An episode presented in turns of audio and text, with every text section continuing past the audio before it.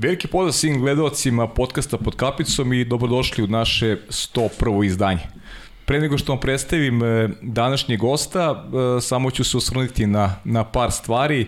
E, čestitaću pre svega reprezentaciji Srbije koja je osvojila zlatnu medalju na Evropskom šampionatu u Podgorici, u pitanju U19 selekcija.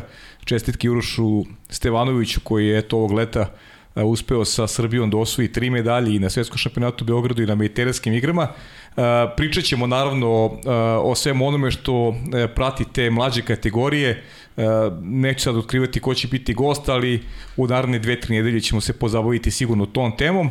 Naravno, e, pričat ćemo i o A reprezentaciji Srbije, bit će prilike e, kada budu spremni da dođu u ovaj studiju ljudi koji su bili akteri svega onog što se dešavalo u Splitu, o tom potom, dakle, to je tema od koje ne bežimo i koja će sigurno biti aktuelna u budućnosti ovom podcastu, a sada se posvetimo o gostu e, e, koji je došao iz Novog Sada na moje veliko zadovoljstvo. Imao sam i ranije ideje da ga odvedem u ovaj studio, međutim imam utisak da tajming nikada nije bio bolji, e, s obzirom da je on sa reprezentacijom Gruzije e, napravio jedan istorijski rezultat za tu zemlju e, u Splitu i neko smo svi bili ponosni ne samo zbog čovek koji je e, vodio tu ekipu kao selektor, već i igrača koji su e, nastupali za e, selekciju Gruzije, tako da ćemo se baviti malo evropskim šampionatom iz prizme gruzijske reprezentacije, pričat ćemo o svetskom šampionatu u Budimpešti takođe iz ugla reprezentacije Gruzija. Ajde za početak da vam predstavim svog dragog gosta,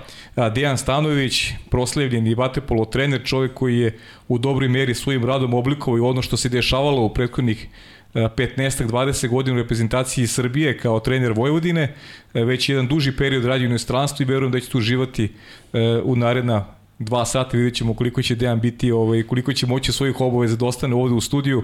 Siguran sam da ima mnogo interesantnih i, i vrednih tema koje možemo da prođemo. Dejane, hvala ti puno što si izdvojio vreme, što si došao u naš studio i za početak ono klasika pitanje kako ti se dopada ovom ambijentu.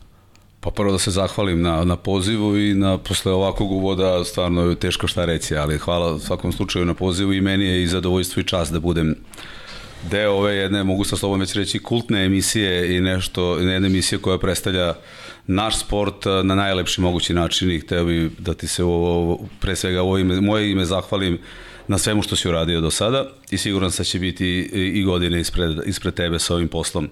Studio, Gledao sam naravno većinu emisija koje se ti pravio i nije me iznenadilo, ali sad prvi put kad sedim ovde kad gledam vidim veoma jednu, jednu ne lepo, ali široku perspektivu, ne lepo, naravno lepo i široku, modern, a sa puno elemenata sveden, tako da pozitivno sam iznenađen. Hvala, hvala ti puno na, na, na lepim rečima i u ime kolega koji su u ovoj studiju, je da kažem, i napravili, kreirali, takođe se E, zahvaljujem. Ajde ovaj da imamo mnogo tema, ali da počnemo od, od ovih od ovih najlepših. E, od evropskog prvenstva u Splitu gde je Gruzija stvarno napravila nešto što niko nije očekivao. Završili ste e, takmičenje na na među osam najboljih ili pobedili ste Holandiju u osmini finala pokazuje jedan vaterpolo koji, koji zaista može i ti da budeš ponosan, ali, ali i svi ljudi koji, koji žive u Gruziji, svi ljudi koji vole sport jednostavno. Pa što je rekao potpredsednik Saveza da je ovo leto kompletno mhm. zajednički i Budimpešta svetsko prvenstvo i Split, naravno, evropsko, nešto najlepše što se desilo za gruzijski vaterpolo, a i za gruzijski ošte kolektivan, uh mhm. -huh. kolektivan sport. Mislim da je ovo leto stvarno svima nama bilo uh, bilo, bilo lepo, prijatno i čast da smo tamo, ali ono što je najbitnije pokazalo da, da se polako dižemo i kao ekipa dolazimo u neku ozbiljniju sferu uh, vaterpola i da ovi rezultati koji su napravili ovog leta treba da nam budu pokazatelj da se treningom i radom može napraviti nešto, ali isto tako da ti predstavlja obavezu da nastavimo dalje. U svakom slučaju, jedno veoma lepo i uspešno leto, ponovit ću, počeo od Budimpešte gde smo uh -huh. ovaj, ušli u 10, sada ušli u 8, oko sami e, priče i analize utakmica, o tome možemo razgovarati mm -hmm. i pričati, ali stvarno u svakom slučaju uh, jedan veliki iskorak uh, gruzijskog vaterpola u odnosu na, na dosadašnji period. Ajde, da, nema potrebe da, da, da budeš skroman, ono, pričali smo te pre početka, ovo je najveći uspeh uh, gruzijskog kolektivnog sporta. Su ova dva rezultata u Budimpešti i ovo što se dogodilo u Splitu pogotovo. Koliko su meni rekli ljudi mm -hmm. iz Gruzijskog saveza da je to jeste sigurno vezano za vaterpolo, a i za sve druge kolektivne sportove, jeste, ali je to jedan uh, kompletan rad koji je možda sada došao na, u vrhuncu svojega, ali posljednjih deseta godina gruzijski vaterpolo ili Federacija, Savez ulažu veoma mnogo vaterpolo. U početku su taj broj stranaca bio sve veći, mislim veliki broj, sad se taj broj stranaca polako smanjuje, ali generalno taj dugogodišnji, dugogodišnje ulaganje, rad Saveza, prethodnih trenera, igrača, svega se sada nekako sublimirao i mi smo došli u ovom trenutku na ovaj, na ovaj nivo gde smo, gde smo sada i naravno to nije samo foskula, mi nećemo se truditi, mi ćemo truditi da nastavimo koliko je to moguće i u kom nivo možemo doći, ali ono što je bitno da smo shvatili da napravili smo nešto i da treba da nastavimo u tom smeru. Uh mhm. -huh. Ajde doćeš malo, malo utakmicama, ono što, što je meni bilo onako impresivno, to je, to je taj duel sa Holandijom. Holandjani koji imaju zaista sjajne mlađe generacije. Skoro sam čuo podatak da Holandija čak ima i najveći broj registrovanih da. vaterpolista na svetu, što je pokazatelj koliko su koliko oni ulažu u taj sport. Devojke su igrale polufinale evropskog prvenstva, mislim na Holandjanke. E, tako da e, jedna jedna zaista možemo reći zemlja koja koja preti da postane, neću reći vaterpolo sila, ali svakako zemlja koja koja želi da bude među osam najboljih u kontinuitetu, ne samo na evropskim već i na svetskim šampionatima. Kako će doživio tu utakmicu i si bio optimista pre početka ili možda manje, e, možda više pesimista kao što smo bili mi koji smo to e, gledali. Ja sam iskreno očekivao da će Holandija pobediti tu, da budem, da budem skroz otvoren. Pa iskreno nisi jedini koji je to mislio da. i čak su i kladionice davale veće šanse ovaj Holandiji, a i drugi e, ljudi, i treneri iz Vatrpola. A moram da kažem da malo je to možda uticalo i e, ne malo, sigurno je do, do, do, dobra naša performansa i igra u, u Budimpešti e, diglo uh -huh. samo naše unutrašnje samopoznanje da mi to možemo. Mi nikada nismo pobedili Holandiju, govorim Gruzija i naravno u ovom trenutku mi pričamo ne iz ugla Srbije ili najbolja reprezentacija na svetu kada pričamo o Holandiji, uh -huh. nego jednoj reprezentaciji kao što je Gruzija. Uh, Ali sam ja i moji igrači, a pre svega ja, pitao si mene, u početku bio ubeđen da mi uh, imamo naše šanse protiv Holandije, bez obzira što je Holandija odigrala odlično 3-4 pripremna turnira, igrali su uh, na nelju dana pred početak uh, Evropskog u Splitu su bili u Grčkoj na turniru gde su odigrali sa Grcima dva razlike, tako da ovaj, jedna, jedna vrlo do pobedili Francusku i tako dalje. No, mi smo se spremali, pripremali, iskoristili smo taj pripremni period da se ne toliko samo pripremimo za Holandiju, nama je bilo bitno da pobedimo i Slovačku u grupi i mi smo se potpunosti fokusirali na te dve utakmice i kao što na kraju se rezultat pokazao, mi smo se dobro spremili. Ono što je meni bilo uh, drago i što mi veoma značajno da protiv te Holandije koja je odigrala isto odlično u svojoj grupi, uh, dominantno pobedala Nemačku, Rumuniju, odigrala na jedan razlike sa svetskim prvacima Španijom, da su već mi od sredine druge četvrtine preuzeli kontrolu i nijednog trenutka se nije Holandija pitala nego samo mi kako će utakmica mm -hmm. završiti i čak recimo početkom četvrte četvrtine kad je bilo ovaj, 3-4 razlike za nas kao da, da sam, možda grešim, ali imao sam utisak da Holandija nema tu više ni želju, ni, ni da žele da, da, da odigraju do kraja, da probaju da svrate nekako, kao da su i oni više jedva čekali kraj. Uh mhm. -huh. I to mi je u suštini pokazalo da smo mi u, u, u toj utakmici ušli tako pripremljeni, spremni, svaki igrač individualno, kolektivno kao ekipa i da, da se iskreno nijednog trenutka nije dovodio pobednik u pitanje, e, to mi je veoma značajno i mnogo, mnogo znači. Uh mhm. -huh. A kako je zadovoljan igra, igramo u grupi? Ili, ili, ili si tu video da postoji taj neki, da kažem, nalet adrenalina i neki pozitivni stav koji bi mogao Gruzi da, da, da, da uvedu neku, neku priču? Moram da, se, ma, izvini, moram da se malo uh mhm. -huh. vratim i na, na pre toga Budimpeštu, da smo Naravno. mi isto u grupi odigrali o, odličnu o, grupnu fazu. Uh mhm. -huh gde smo, ovaj, kako se zove, odigrali sa Crnom Gorom, izgubili smo jedan razlike, uh mhm. -huh. odigrali smo sa, sa Mađarskom tri razlike, mislim, to su sada rezultati, ali ja ponovit ću, ja pričam iz ugla Gruzije da je to bilo ne, ne, nesvatljivo i ovaj, pre par godina je Italija dobila Gruziju 24-1. Je li ovo neko poštovanje onome, da, kako, ovo je, kako igrala Gruzija? Ovo je, da, ovo su, su slivke koji su, to ja tek naknadno dobio da je selektor Mađarske pred uh, punim Alfred Aleš bazenom na na, na Smarget Sigedu ti ovaj, odlaje neki, mislim, počast malo je to, ali je tačno tako bilo. Uh mhm. -huh. Pričamo o Mađarskoj, i dobili smo Brazil koji je bio bitan za prolazak. Nakon toga smo i druge utakmice ove, ove, u, Budimpe, u, da, u Budimpešti odigrali, odigrali na jednom korektnom, sasvim korektnom nivou i protiv Hrvatske i na kraju protiv dobro dobili ovaj, Južnu Afriku i onda na kraju sa Japanom. I to nam je davalo taj neki utisak da ljudi mi možemo. Uh mhm. -huh. I nije to više ta reprezentacija koja je služila uh, samo za pravljanje gol razlike ili da kad igraš sa Gruzijom da se ti spremaš za neš, neku drugu utakmicu pa daš jače treninge nego smo mi videli da mi možemo da odigramo, da imamo neke svoje prava na nadanje, svi se nadamo, ali da realno to ostivamo da prođemo, da u grupi odigramo što možemo. I kažem, odigrali smo opet sa Crnom Gorom jednu korektnu utakmicu ovaj, u grupi u Splitu. Mhm. -huh. Protiv Italije to tako rezultatski nije možda bilo, ali moram da budem iskren da, da smo mi u toj utakmici uh, imali jedan deo, dobar deo utakmice gde smo ne parirali, ali smo igrali, bili tu, razlika je krajem slučaju to u kvalitetu između igrača i svega da oni svoje šanse iskoriste, mi ne, ali tu smo bili.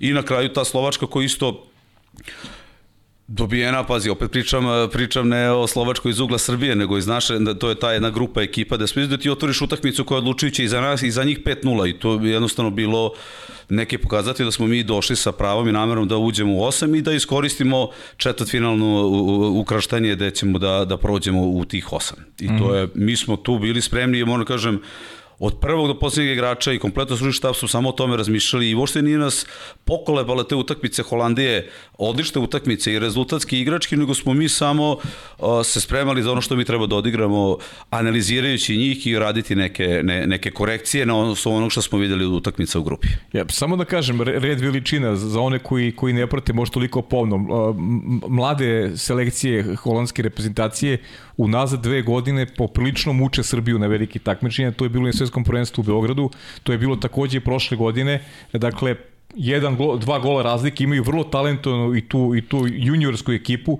tako da je Holandija, e, ta pobeda Gruzije protiv Holandije, je zaista bila neverovatna i, i, i izvanredna za, za, za e, kompleta, nije vaš tuči štab igrače, za sve ljude koji brinu o, o, o gruzijskom vaterpolu. Apsolutno si pravo, kažem, ja mislim da niko osim nas iz, iz Gruzije, društvenog saveta, mislim, stručnog, štaba igrača, nije verovao tome, ja sam pričao i sa nekim svojim prijateljima i trenerima iz Srbije i svi drugi trenerima, ovaj, gde smo i na pripremnim periodima, i bili smo u Grčkoj, neposredno posle tog trenutka mm -hmm. malo prepomenuo da je i selektor Grčka rekao, Dejane, naravno, svako ima šansu da se nada i treba, ali teško, dobri su, odlični su, Ali kažem, gotovo niko od kladionica svega, ali mi smo verovali u nas i nismo, nisam ni ja dozvolio, niti sam se ja raspravljao ili objašnjavao da to nije ta što ja sam znao da je to naša šansa, da je Holandija potpuno si upravo jedna ekipa koja je u povoju i u razvoju i sigurno ima u ovom trenutku kvalitet da bude u osam, među osam, mm -hmm. ovaj, i da se bori tu za svoje mesto, ali kažem da ne samo vera i vera, ali pre svega i radi priprema ovaj, nam, nas je dovela do toga i mi smo ovu našu šansu, ovog leta nam se otvorila šansa i kako Budimpešt, tako i Splitu i moram biti zadovoljan da smo mi maksimalno iskoristili iz ugla u gruzijskog vaterpola i nivoa na kome je gruzijski vaterpolo. Vanja, možda da pustiš ovaj jedan, jedan snimak da, da Ovo je snimak iz Splita. La Georgia vince contro l'Olanda, il presidente Dato Rurua Ovo je inače predsednik Vatepolo Saveza Gruzije. Rischia di cadere e poi... Nije mogao da odoli Numero uno. Nije koliko mogu puta. Koliko puta sam ovo gledao i svaki put se eto nasmejem, ali ovo vam govori kompletno možda jedno stanje kakva je Gruzija i kao nacija i kao narod i kako gledaju kroz sport. Eto, koliko ovaj uspeh njima značajan je velik da su oni skočili, da je predsjednik Saveza skočio u bazen da, da proslavi kao što se skače kad se osvoji zlato.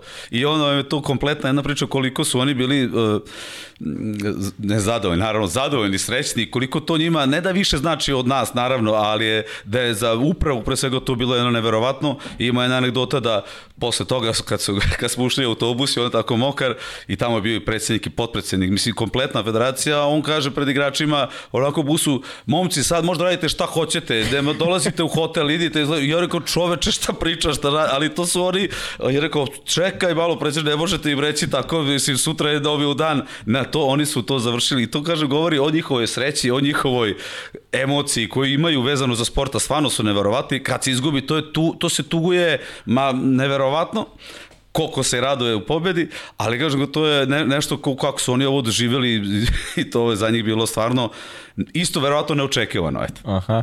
A kaži mi ovaj, posle, posle cele priče ovakve, e, Žeb je tako hteo da Gruzija ide na Hrvatsku, koja je domaćin, Hrvatska koja je naravno velika vaterpolo sila. E, kako si tu utakmicu spremao? Kako je, kako, koliko je bilo teško spremiti igrače za nešto što je verovatno napred upisano negde kao, kao, kao poraz? Pa evo sad sam opisao i rekao sam šta je rekao predsjednik Saveza, kako da ih spremiš kada kaže ajte šta hoćete, ali dobro, naravno. Moram malo isto da se vratim nazad, e, mi smo od, e, nije ovaj nazovi uspeh ili napredak, e, ne nazovi nego napredak i uspeh ruske reprezentacije tek tako došao preko noći. Moram da podsjetim da smo mi u Rotterdamu, to je moje prvo takmičenje pred olimpijadu na kvalifikacijnom uh mhm. -huh. turniru, kada sam ja došao ovaj, u Gruziju, isto odigrali jedan vrlo, vrlo korektan i dobar turnir gde sam ja video da ova ekipa ima određeni potencijal i da ima mogućnost, e, mogućnost e, napretka i da smo mi, pomenuo se, to, zašto se vraćam na Rotterdam, e, vraćam se da smo i tada igrali sa Hrvatskom odlučujuću, odlu, mislim, za, za ulazak dalje, pa smo igrali u Budimpešti, pa smo igrali u, sada u Splitu. Tako da nas ta hrvatska stacija prati iz tog ugla, ali uh, Mislim da je e, meni prvo najviše značilo potom igračima e, bilo bitno to da posle te 3-4 utakmice odigrane u Rotterdamu u grupi te opet e, eliminacione sa Hrvatskom, mm -hmm. Uh, jedna informacija koja je mene rekao selektor Hrvatske, a to su moji igrači i uvideli da smo se mi ulazili u jednoj toj sobi za sastanke, da se Hrvatska sa dva videa spremala za Gruziju. I to je nešto što ja pokušavam, da, da je meni značilo da, da vi nismo više ekipa, da se ozbiljne ekipe o nama ne spremaju uopšte, nego odigravaju samo utakmicu razmišljajući o novim.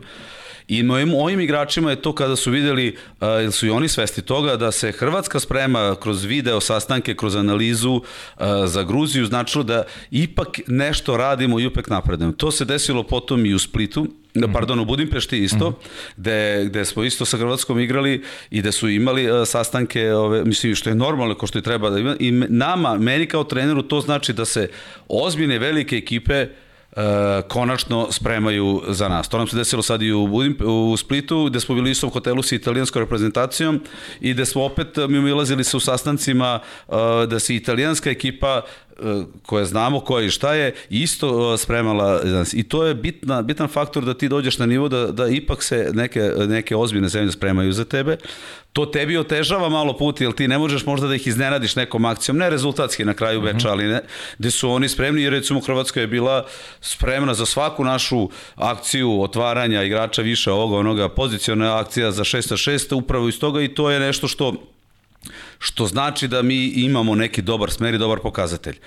A naravno kad igraš sa Hrvatskom u krštanju ovaj, koje znamo koje i šta je u ovom trenutku je razlika u kvalitetu, u klasi, iskustvu, u svemu tolika da je na kraju sam rezultat bio realan i niko nije ni postavio pitanje, bez obzira što smo se mi sami unutar nas nadali, ko što smo se spremali i nadali za Hrvatsku, ali realno se zna u ovom trenutku ko je šta, ali bitno mi je ovo što sam rekao da se mi nismo uplašili, da smo pravili neke greške koje ne bi trebali da pravimo, ali to je verovatno malo i doza neiskustva i razlike u kvalitetu, da je Hrvatska odma ovaj, u, u pogotovu utakmici u Splitu pokazala ko je ko i šta je ko je napravila jedna, jednu, jednu razliku, otišla odmah na 4-0, smo mi došli posle na 4-2, imali penal, ali je odmah su stavili da zdanja i, ali ti jedino u, u takvim utakmicama s takvim ekipama možeš da vidiš gde si, gde je tvoje trenutno mesto i da se na osnovu toga pozicioniraš i napraviš smjenice za dalje rad. Uh mhm. -huh. U komentaru utakmice o, Gruzija-Hrvatska sam negde ovaj, konstuo sa time ispravi, ako, ako nisam u pravu da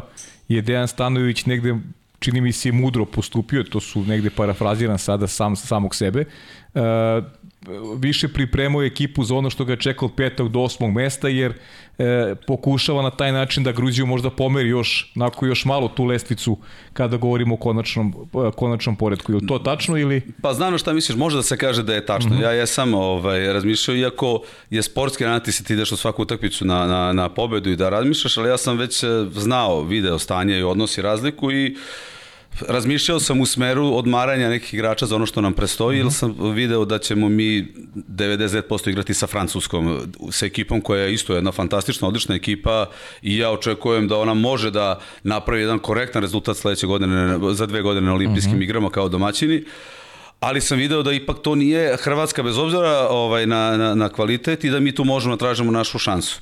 Veče pred utakmicu s Hrvatskom je to još sve kristalnije bilo jasno da, je, da su se mi se dva bitna igrača ovaj, poželili, jedan na povredu, jedan na imao temperaturu i ja sam to onda odlučio da mi ta dva igrača sačuvamo za ono što predstoji a ne da ih potrošim, ako mogu tako reći, sa, u, u, protiv Hrvata.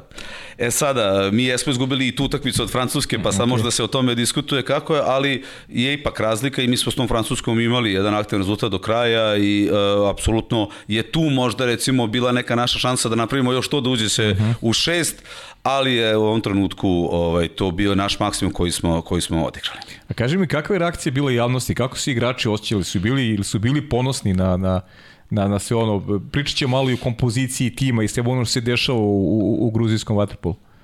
Pa jesu kao što ste malo pregledali ovaj snimak -hmm. skakanja ta, predsjednika, tako je i oni su vrlo tu isto mnogo emotivni i imaju taj jedan određeni naboj uh, koji naravno uh, kada se izgubi odu suviše u minus, ta kad se pobedi mm -hmm. suviše se dignu. Međutim, ovi rezultati ponoviću koje smo mi napravili ovog leta i u Budimpešti i u Splitu su njih izbacili u centar pažnje njihove sportske javnosti i da evo sad kako smo mi došli iz Splita, ja nisam, ja sam ostao da na, na, u Srbiji tek idem za koji dan, mm -hmm. oni maltene su svakodnevno na nekim televizijskim emisijama, gostovanjima, novinari izlaze, jer ovo za njih stvarno jedan od uspeha i rezultata ponovit ću koliko su meni rekli iz Saveza, najveći kolektivan uspeh uh, za Gruziju i oni su samim tim došli u jedan epicentar zbivanja sportskog. Ono što je bitno, a to je moj zatak sad kad se vratim, da ne shvate, ne shvate ovo da su oni time sad završili, da su nešto uradili ili da su prestali da, da, mm -hmm. pre, da treniraju da rade, nego da moraju sad da iznesu i breme toga da oni više nisu uh, sport koji se malo pojavi, malo ne pojavi, nego pre svega sportisti i igrači, nego neko ko treba da predstavlja na ovom nivou koji predstavlja do sada svoju zemlju i da to moraju da iznesu i taj pritisak. Mnogo je lakše igrati bez pritiska, a kad mm -hmm. imaš pritisak, to se vidi kako igraš. To je nama bilo recimo sa Brazilom utakmica, utakmica sa Slovačkom, Holandijom u, u, Splitu, gde smo mi uh, dobro, ne mogu reći da Holandije bolja ekipa, ali realno smo na papiru bolji i od Brazila i od Slovačke, ali ne toliko bolji da ti uđeš, nego taj pritisak treba izneti i to smo ga mhm. iznali kako treba, a s Holandijom odradili ono i to je bitno u građenju ekipe i igrača, ali kažem, oni sada su prve zvezde sporta u Gruziji. E, ajde da, da, da malo pre nego što se posvetimo malo više gruzijskom vaterpolu, da, da malo sublimiraš ono što se dešavalo eto na, na ova dva takmičenja. E, naravno, uopšte ne želim da te dovodim u, u neprijatnu situaciju, pričaš o Srbiji, nećemo pričamo danas o Srbiji, nego ono što je meni, ono što je meni interesantno, uh, ajde da kažem neki, neću ga nazvati novim svetskim poredkom, ali ono što je, što je za mene benefit za ovaj sport, to su upravo upravo pojava Gruzije, e, Francuske, Holandije, ekipa koje su, koje su spremne da se umešaju za borbu među osam najboljih i da, ono što si rekao, da, da ti veliki sada sa, sa većom pažnjom posmatruju šta se dešava u tom okruženju i verujem da postoji prostor da, da ove tri selekcije, namrno sam ih izdvojio, da napreduju kroz neka naredne takmičenja, to bi bio benefit za, za, za Vatepolo Pa ja mislim da si potpuno to lepo okvirio. Što se tiče samog leta, Mislim, e, ništa se tu nije veliko promenilo. Mm -hmm. Mi možemo možda da pričamo, ranije je Srbija ta bila koja je uzimala medalje, sada to nije, ali mož, u obe utakmice četvrt finale Srbija izgubila se jedan razlike, znači to je to. I to je, ona, ona je tu i Srbija je ne, ne, neko ko je za mene lično i, i, i dalje najbolja ekipa i, e, i to će da bude i ja tako radim. Ali generalno, uh, Mislim da je upečatljivo da više nema toliko velikog broja individualnih superstarova kao što je bilo mhm. recimo do olimpijade u Tokiju, da je u svim ekipama broj vrhunskih igrača se smanjio, uh mhm. -huh. ali e, ne u to, tamo malta ne možemo reći podjednako svuda da, da, da više su se opet i ta grupacija od šest ekipa je, je, je svako svakog može da dobije i da je svaka na, na može da konkuriše za medalju.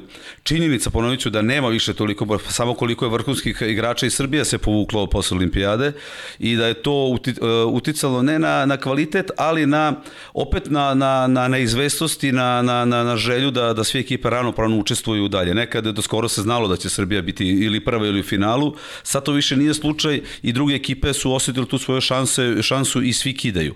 Vezano za ove tri ekipe što si rekao da si pomenulo da su, da su to ekipe koje su sad ušle među prvih osam, Francuska, Holandija i eto Gruzija, je, to je tačno i to je opet dalo neku notu i draž. Ranije se znalo Rusi su osmi, evo Rusa sada nema zbog situacije koja se dešava, ali se znalo da su Rusi osmi ne mogu da budu u sedam, da pobede nikog iz prvih sedam, ali niko i ne može njih da pobedi iz ovih ekipa od devetog na niže. Da. Rumuni su porekljeni 20 godina dva puta bili u polufinalima, recimo. Rumunija je znala da... da Znala, ali je to ono bilo, kažem, ono, pogotovo u zadnje vreme ne toliko, ali kažem, poslednjih jedno 7-8 godina se znalo da su Rusi osmi, ne mogu u sedam, ne mogu da ovamo. E sad se više to ne dobro, Rusi nisu tu videli bi da su oni tu kako bi išlo, ali ja mislim da su ove ekipe i Holandija i Francuska i Gruzija došle ipak uh, u tom nivou gde su nekad bili Rusi da bi sa njima ravnopravno igrali mhm. -huh. i da su ušli osim. I to je opet dalo, kažem, ovaj, neku novu notu vaterpola iz tog ugla da sada imaš jedno 3-4 prestacije koje žele da budu među osam, i žele možda da napadnu i da uđu i u 7 i, i, o, i mislim da je to dobro, dobro generalno za, za Waterpola. Dobro, vi ste imali još jedan razlog da slavlje tamo, Vanja, hoćemo da vidimo ovaj... Manje sportski, jednu, jednu, da, jednu, da. jednu prosidbu koja je pala na, na, ovaj, na tribinama u Spaladiju Arene u Splitu, polako. Ovaj, ali ajde, možeš ti, Dejane, da nas pa, uvedeš polako u, u, u tu priču. Mislim, ne mogu puno da, da, da osvedem, zato što sam i ja saznao za tu priču ovaj, na, na dan, na Evo. dan utakmice, jeste, da je, da je golman eh, ekipe zaprosio svoju devojku koja je bila na, koja je bila na, na, na tom, ali je nešto možda iza toga pitanje, razmadze, da, Irakli, ali je možda druga situacija pitanje to je protiv sa Slovačkom gde se, gde se značilo da mi dalje na, ulazimo jel, da, mm -hmm. u, ovaj, u osminu, u finale i da mi dalje igramo ovaj, razigravanja. I uh, oni su to shvatili da, da ćemo mi sigurno dobiti, pričamo o nekom, nekom načinu kako je ekipa počela da razmišlja, da bez obzira što to ranije nije bilo sigurno, slučaj, sigurno ćemo mi dobiti Slovačku, da su oni bili ubeđeni da smo mi bolje ćemo dobiti i da je on posle te ve, pobede velike za nas iskoristio da u, u to doda i da zaprosi devojku. Uh mhm. -huh. I ovaj I u tom trenutku je to bilo nešto što je, kako oni sami kažu, cela Gruzija će to da gleda, to će biti veliki uspeh gruzijski sport i onda onda je to da iskoristi. Ja nisam baš bio oduševljen tom idejama, ali ovaj, s druge strane mi je to davalo upravo to, ta njihova ne samouverenost, samouverenost, nego i samouverenost, ali i o, o razliku kvalitetu da mi to dobijamo i mi ćemo to da i proslavimo i na ovaj, na, na ovaj način, ako mogu tako reći. Tako da, eto jedna zanimljivost koja je bila zanimljiva i organizatorima celog, celog turnira i da je to nešto što je opet karakteristično za Gruzine. Od slavlja, od veličanja i ti neke stvari, eto, to su oni eto, i opet uklopili, uklopili u to. E, kad sve sad kod, kod, kod Gruzina, o, ovaj, ja sam bio u toj divnoj zemlji i imao sam eto priliku da, da osetim tu toplinu ovaj, koji, koji oni imaju e, u sebi generalno i, i neki pravi su onako do, domaćini Pa me zanima, ajde da pričamo malo e, o toj kompoziciji ovog tima, da pričamo generalno u gruzijskoj vaterpolu, ti se slobodno vrati na, na evropski šampionat i, i na dešavanje u Budimpišti, ako imaš još nešto, kažeš da ja te nisam pitao, ali ta kompozicija tima i, i vera re, e, u, u, vaterpolo ovaj u regionu, srpski, to je mešavina sad igrača koju ti imaš iz Srbije, Jeste. iz Hrvatske, iz, iz Crne Gore. I ono što je meni poznatno, taj napredak e, igrača iz Gruzije. Bitadzeja koga smo svoje vremeno gledali u Zvezdi, nikako igra sjajno u Novom Beogradu već nekoliko godine u Srbiji. Da. Imamo sad dva igrača koji će igrati za Zagrebačku mladost naredne godine. E, postali su, postali su interesantni i, i, i vaterpol u svetu koji je koji ovaj sport, što se kaže, ima u malom prstu. Pa upravo si to sami sve rekao sam, ali ti si potpunosti u pravu. Ja sam ranije, ranije bio selektor Rumunije i igrali mm -hmm. smo, eto, sticu okolnosti nas je spojio da i na dva evropska i u tri svetske lige igramo jedni protiv drugih. I tada su stranci bili nosioci igre, igre reprezentacije Gruzije, što je sasvim normalno i realno i očekivano, kao što su i sada. Međutim, učina gruzijskih reprezentativ, reprezentativaca ili gruzijskih igrača u tim utakmicama je bio nemerljivo, neuporedivo manji i nije mogo što se, da se poredi. Mm -hmm. I e, moja cela ideja kad sam došao jeste da naravno stranci budu to što jesu i treba da budu i, i nose igru i nose e, prilaz i treninga i obaveza da pokušam Gruzinima da objasnim da ne budu igrači samo koji će da čekaju šta će stranac da uradi, on da bude zadovoljan ako je u 13 ili ako uđe u vodu da ne pogreši to je to, nego da mi jedino kao ekipa možemo napraviti upravo da oni budu ti koji će da prate, da prilaze, da se razvijaju i da isto budu značajni elementi uh, igre, a ne igrači koji možda jeste, možda nije u igri, ne vidiš razliku. I toga nema napretka ako oni tako i bitnije, bitno im je bilo da taj njihovi mentalni prilaz, da, da on sam sebi shvati, ali naravno e, igrom, treningom, načinom koji to radi, e, pokaže da je on značajan i bitan faktor i da mi bez njega ne možemo da odbranimo se, ne možemo da otplijemo kontru, da se vratimo ako to ne znaju i ne da samo čekamo strance to, tu sam dosta vremena potrošio u tom nekim razgovoru sa njima, pričama, čak i na treninzima kad su zajedno sa strancima davanjem njima šansi više da oni budu ti da šutnu i da sam isto našim strancima, ako mogu tako reći igračima koji se pomenuo uh -huh. iz mhm. Srbije, Hrvatske i Crne Gore objasnio da nama oni trebaju pa dajte idite na njih akciju, dajte da šutnu, dajte da budu bitni, podržite ih i tu su se gruzi, gruzijski igrači digli. Uh mhm. -huh. Ranije je samo Bitadze bio igrač koji je igrao negde u inostranstvu van Gruzije, a evo sada si malo prepomenuo da ne samo Bitadze koji je otišao opet u inostranstvo, da imam sada dva igrača koji su otišla u Zagrebačku mladost. Imamo Šušašvilija koji već dugi niz da, godina ovde. Su, otišli, mislim, otišli su Datvani Valiko cent, Bek i centar Sandro Adejašvili. Uh mhm. -huh. Imam još e, dva veoma interesantna igrača mlada koji su ovde bili, e, Saba i jedan mali Beso, koji će sam siguran u narodnoj sezoni ukoliko ovaj, Dinamo e, Tbilisi ne bude igrao Ligu šampiona, imati mesto, ali imati uh, mesto u ekipi da budu igrali, da budu znači budu među nosiocima igre uh mhm. -huh. i to je upravo što je napravilo Oni napravilo, su u Dinamo, na, napravili, da, napravili razliku i ta, to prihvatanje, prihvatanje odgovornosti i obaveza, a i vere u sebe da mogu biti tu, ovaj, da nešto uradi značajno, to je u suštini napravilo iskorak, iskorak kada pričamo o gruzijskoj, u uspehu gruzijske vaterpola reprezentacije. E, a sad priči onako infrastruktura. O čega se sastoji, koliko se ulaže u vaterpolu, ajde malo pojasni e. gledalcima. Sad ću reći nešto što, naravno, ja ne mislim to, ali kada vidim šta Gruzija ima i kakva infrastruktura, to, su najbo, to je najbolja ekipa na svetu, to su najbolji igrači na svetu. A i sada da, objasnim zašto, kako, pa u Gruziji i celoj zemlji imate jedan bazen. Jedan, jedan, jedan jedini... olimp, nije čak ni olimpijski, ali ne, jedan za, pok, za, zatvoreni bazen. I to je država 4 miliona stanovnika. Tamo, tamo se sve dešava vezano za vaterpolo. Oni nemaju više od 30-ak, 40-ak igrača u celoj zemlji, jedan bazen, nemaju ligu, nemaju s kim da igraju, nema klubova i kada iz tog ugla sabereš, staviš sve, ovaj, oni su stvarno, uh, nazovi fenomen, iluzorno porediti sa Srbijom, Mađarskom, Hrvatskom, mislim, sam pričam o broju bazena, o broju dece, klubova i to je neka situacija koja jeste i koja je realna i to je činjenica. I većina ljudi dok ne dođe ili dok ne čuje od mene ili od prethodnih e, saigrača, trenera i tako dalje, da ima stvarno samo jedan bazen, Oni, oni su u šoku. Uh, prošle godine smo igrali s Ferenc Varošem i kad sam Žolt Valge regao da ovo je jedan bazen, on, on, on kaže jedan bazen u gradu, ne jedan u državi. On je mogo da veruje, uh, pa se okreće Madarašu, a Madaraš kaže da, znam, ovaj, rekli su mi, to je za njih neverovatno, ali to je istina u ovom trenutku. I na osnovu toga, te činjenice šta imaju od infrastrukture ili koliko dece i, i koliko trenera, ovaj, ja kažem da su oni najbolji na svetu, stvarno je to tako. Daću jednu interesantnu uh, poređenje, upravo malo što smo ja i tome pričali. Oni imaju svoje prvenstvo, ali sad ću da objasnim kako, da bi uh, sekretariat za sport i ministarstvo sporta prepoznalo neki sport i da bi on ušlo u finansiranje, on mora da ima prvenstvo i mora da ima minimum pet klubova da bi to ušlo u finansiranje od strane države.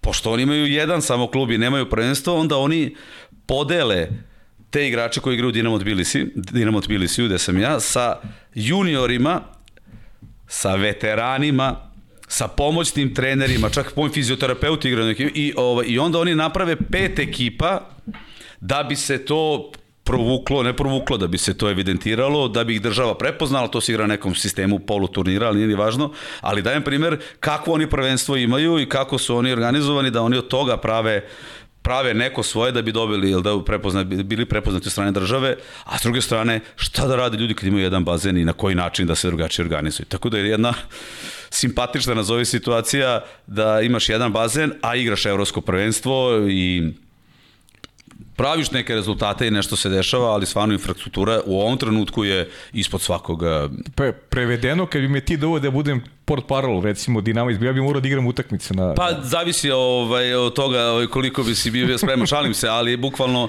bukvalno, je, bukvalno je tako. I oni se stvarno ne mogu da zamerim, mislim zamerim, oni se trude i šta god mogu da urade, nama je možda ovo simpatično ili smešno ili, ili moguće to, ali tako je, ali kad imaš jedan bazen, šta da rade ljudi nego da se organizuju organiz. Slično pričaju u Kazahstanu, ja sam pre toga bio u Kazahstanu. Da, doćemo od toga, pričamo. Ali ću da objasnim e, zašto, ali ja sam u razgovorima posle to saznao. Neka je tu bio Sovjetski savez i on je imao e, jednu veliku ligu, jaku mm -hmm. ligu, da je bilo između 8 i 10 e, klubova iz same Rusije. Mm -hmm. I po jedan klub od Belorusije, Ukrajine, Gruzije, Kazahstana, koji su svi bili jaki, mislim, dobri klubovi. Kako se raspao Sovjetski savez, ti, te sve zemlje su ostale sa jednim klubom, jednim bazenom, kako je došlo do raspada, to je vrlo bilo, nazovi zemlje ne baš bogate siromašti, ko je razmišljao o gradnji bazena nego o očuvanju normalnog života i oni su jednostavno, godine su prolazile, ostaje je taj jedan bazen, taj jedan klub i oni su se polako, nazovi, gasile gasili. Ti imaš reprezentacije Rusije i sadašnjoj, a u prethodnoj prošlosti, da ne govorim, mnogo veći broj igrača iz Belorusije, Ukrajine, Kazahstana, Gruzije, nego samih Rusa koji su tada igrali dobro Sovjetske aveze i ostajali posle tog raspada ti bolji igrači su ostišli i ostali svi u Rusiji, tako da je ta situacija u trenutku da, sad pričamo za Gruziju, da ona Imala je tad jedan bazen, Dinamo, Dinamo Tbilisi je bio u ono vreme dobra, jaka ekipa, ali tu je jednostavno vremenom došlo kad ti nemaš igrača, nemaš mlađe kategorije, nemaš ništa, nemaš ligu, nema gde da napreduješ.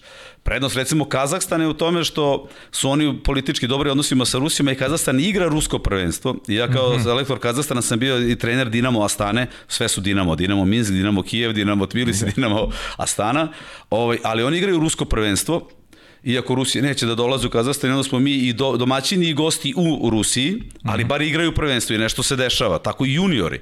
Uh -huh. A ovde je Gruzija situacija kakva jeste politička, da oni nemaju veze i jednostavno ne igraju i nemaš ligu. I stvarno je jedna specifična i čudna situacija. Da, mislim, znaš kako, e, možda zvuči smešno, ali, ali e, sve što si ispričao je razlog više da taj rezultat Gruzije onako pozdravimo sa, sa sa velikim onako oduševljenjem, sa odobravanjem da, da Zemljok ima samo jedan bazen, bude među os najboljih Evropi, što je zaista neverovatno. E, sve se, stvarno sve se rekao, nema veze sada stvarno. Pa ne, nema veze s tobom, nego... Ali, nego da, generalno, jedna, stvarno i ovi momci koji da igraju... Verujem da sam to prvi tebe pa, sad. Zna, ja sam ubeđen, ne samo ti, ja verujem da i sad većina gledalaca naših je prvi put je to čule ili ovaj, videla, da ne kažem, drugi u Evropi. To je tako i stvarno verovatno samim tim i ovaj uspeh i rezultat i sve ne samo sada, nego 2014. kad su oni prvi put pojavili na Evropskom prvenstvu je to ovaj, nešto što je treba ceniti i treba mm -hmm. uvažavati i sigurno je ovaj, još daje dobija na težini.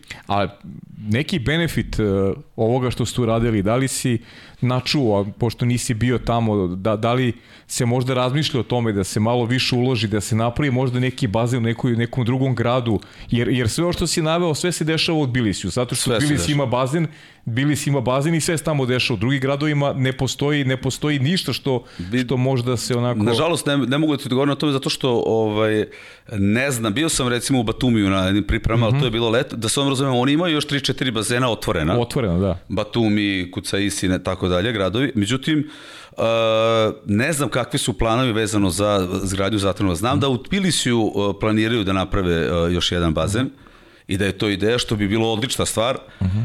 Ali da li će od toga doći neće, vidjet ćemo, ovaj, ima tome u krajem slučaju nije lako napraviti bazen treba vremena. U ovom trenutku je takva situacija i To je što je. Da. Aj malo, aj kaži malo sad da, da za, zaokružimo e, Gruziju iz više aspekata.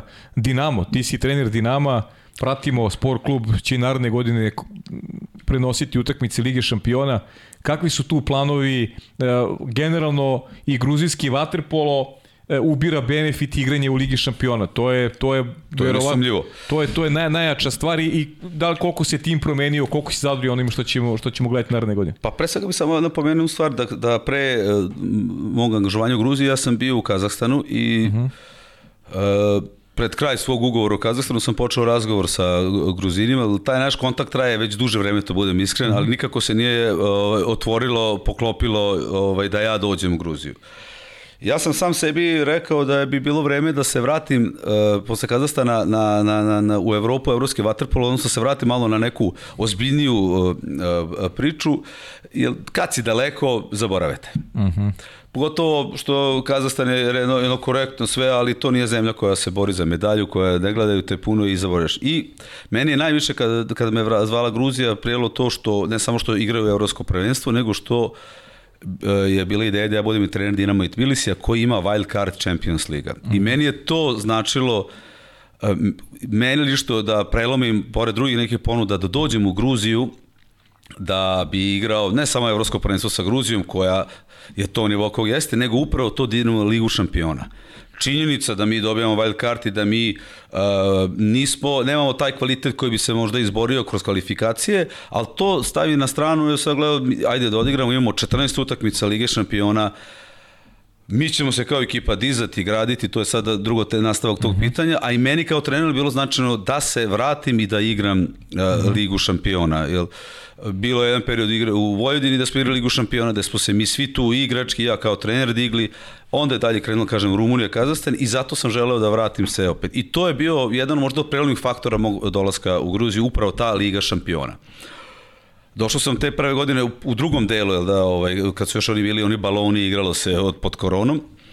Tu smo odigrali dva ta turnira i ovaj f, i fali igrali smo da, da smo odigrali da smo pobedili u posljednjem kolu Hanover mi bi ušli u Final Eight što bi bilo za nas mm -hmm. neverovatno.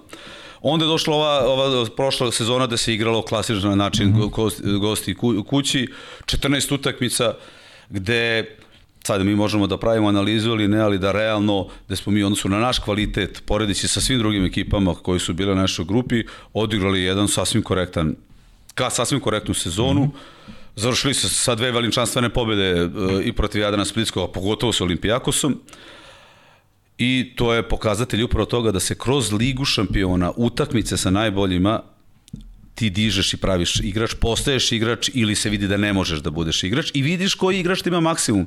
Ne mogu, nisu svi igrači isti i ta što kroz takve utakmice, kroz pritisak, kroz stres, kroz igru protiv najboljih ti možeš da vidiš koliko možeš na kog igrača da računaš u kakvim uslovima i da ti tako napraviš svoje neke mozaik i svoju, svoju, poslužiš kockicu u ekipi. I zato je ta Liga šampiona veoma važna. Ja sam se insistirao, čak i bilo pitanje hoćemo li dobiti sa za narodnu sezonu Ligu šampiona, ja rekao upravi da kako znaju, umeju što bi rekli, o, nađu novac, nađu sredstva da mi opet uzmemo taj wild card, jer tih 14 utakmica je u situaciji koju sam malo prepomenuo, bez lige, bez e, bazena, e, ključno za da opstanak, opstanak Gruzije na nekom korektnom nivou i to je ono što je meni mnogo znači da smo mi ostali. Jeste ekipa prilično izmenjena, prilično u odnosu na prošlu sezonu, gde smo ostali bez golmana i pet igrača, Vidjet ćemo, doveli smo, doveli smo ovaj, Pješivca na mestu centra, doveli smo Andriju Vlahovića kao igrača sa leve strane, zadržali smo Sarića, doveli smo jednog mađarskog golmana, ubacit ću još dva, tri juniora, sad uh, ekipa, otišli su Vasić, o, ova tri uh, igra, Bitadze u Panionios, Adeja Švili, uh, Datvani i Jelača u mladost,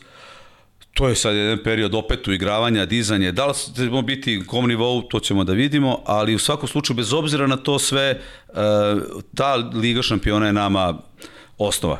Uh -huh. bez, toga, bez toga teško. Uh -huh. A kaži mi, ovaj, kakvi su Gruzini, kakav je život u, u Tbilisiju? Ajde malo da se dotaknemo tog aspekta. Pa recimo, to, veoma su slični nama. Mogu bi da živim recimo u Gruziji, ako bi me neko Aha. pitao. Ako me neko pitao mogu da, bi, da li bi mogo da živim u Kazastanu, ne pričam poslovno, privatno nisam siguran, uh -huh. ali u Gruziji da.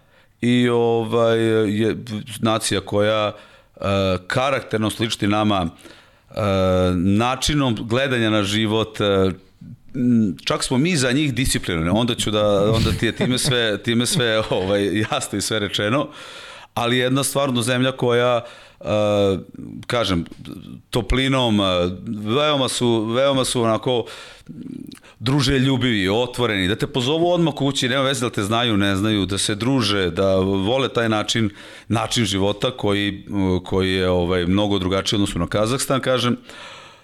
Zemlja koja zemlja je veoma lepa, ima more, ima sasvim korektne skijaške centre, fantastična vina, fantastična klopa, tako da je na ovaj, dugu isto, istoriju i tradiciju kada je pitanju reli, religija, religijski turizam, verski, tako da je jedno stvarno, ka, rekao bi, kad bi me pitao, ja ste rekao, mogo bi sebe da zamislim da živim u Gruziji, mm -hmm. ako Ako bude bilo mogućnost, aj tako da kažem. Pa ti, koliko ja znam, ti imaš ugovor sa, zaključno sa 2024. Imaju, to tako, je tačno, pričamo... ali ne pričam sad poslovno, čak pričam da bi ono, privatno, ako bi, da. da. da, mislim se desilo, mm -hmm. da bi mogu sebe da vidim sa, sa tim okruženjem i tim načinom razmišljanja kako oni imaju, tako mm -hmm. da su jedni, kažem stvarno, kogod je došao u Gruziju, uh, osim dalekog puta, sve drugo im je pozitivno. Da malo se šokiraju ili više saobraćajem, e, načinom, to što ja pominjao njihovom, nazovi ne, nedisciplinom, ali Aha. njihovim shvatanjem e, ovaj, života, da je to stvarno, treba ti vreme da prihvatiš da jednostavno tamo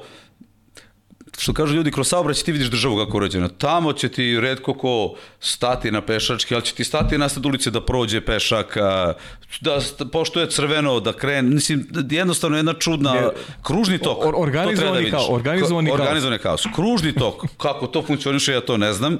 Mislim, znam, jel učestvujem u saobraćaju, to niko nikog ne, ne, ne, ne, ne poštuje, ali svi te propuštaju, niko ne svira, i, ali kažem tako, kafane su uvek pune, ne, od ujutru do uveče, kažem, mislim, sli, vrlo slično, vrlo slično, vrlo slično nama, pogotovo uveče, i to se pije vino i njima, dobro, naravno, oni su Da, poznati. slučaju poznati mm. po vinima, kvalitetnim vinima, oni su ti koji su izmislili vino i njih, oni, oni su prvi mm. napravili vino i dan danas prave vino na specifičan način u nekim uh, gipsanim uh, uh, ogromnim uh, buradima, uh, posudama u stvari, ne su buradi koji su zakopane u zemlju. Mm -hmm. Tako da kažem, fantastično vino, pogotovo crveno, odlična klopa, mislim, Gruzija za, za svako, kažem, pohvala vredi doći videti i do, ja će ostati u pozitivnom sećanju. Znači i posao i hedonizam. U mom slučaju trenutku da, čime sam izuzetno zadovoljan.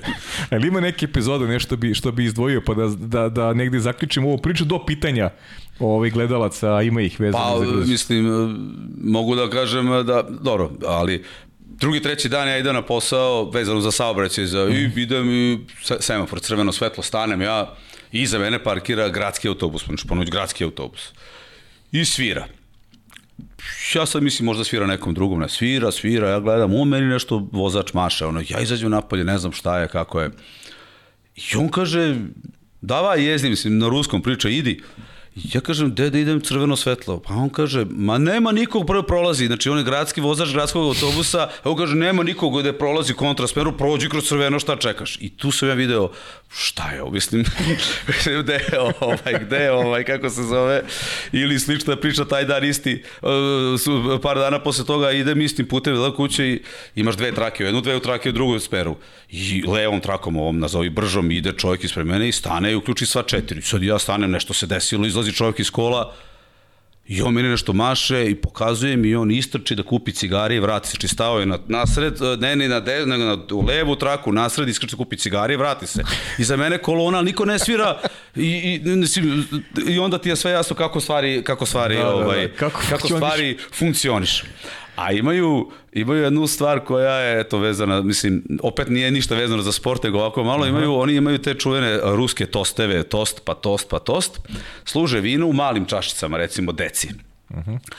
I uvek u nekom druženju je jedan koji je zadužen danas da drži zdravice i govori i tost.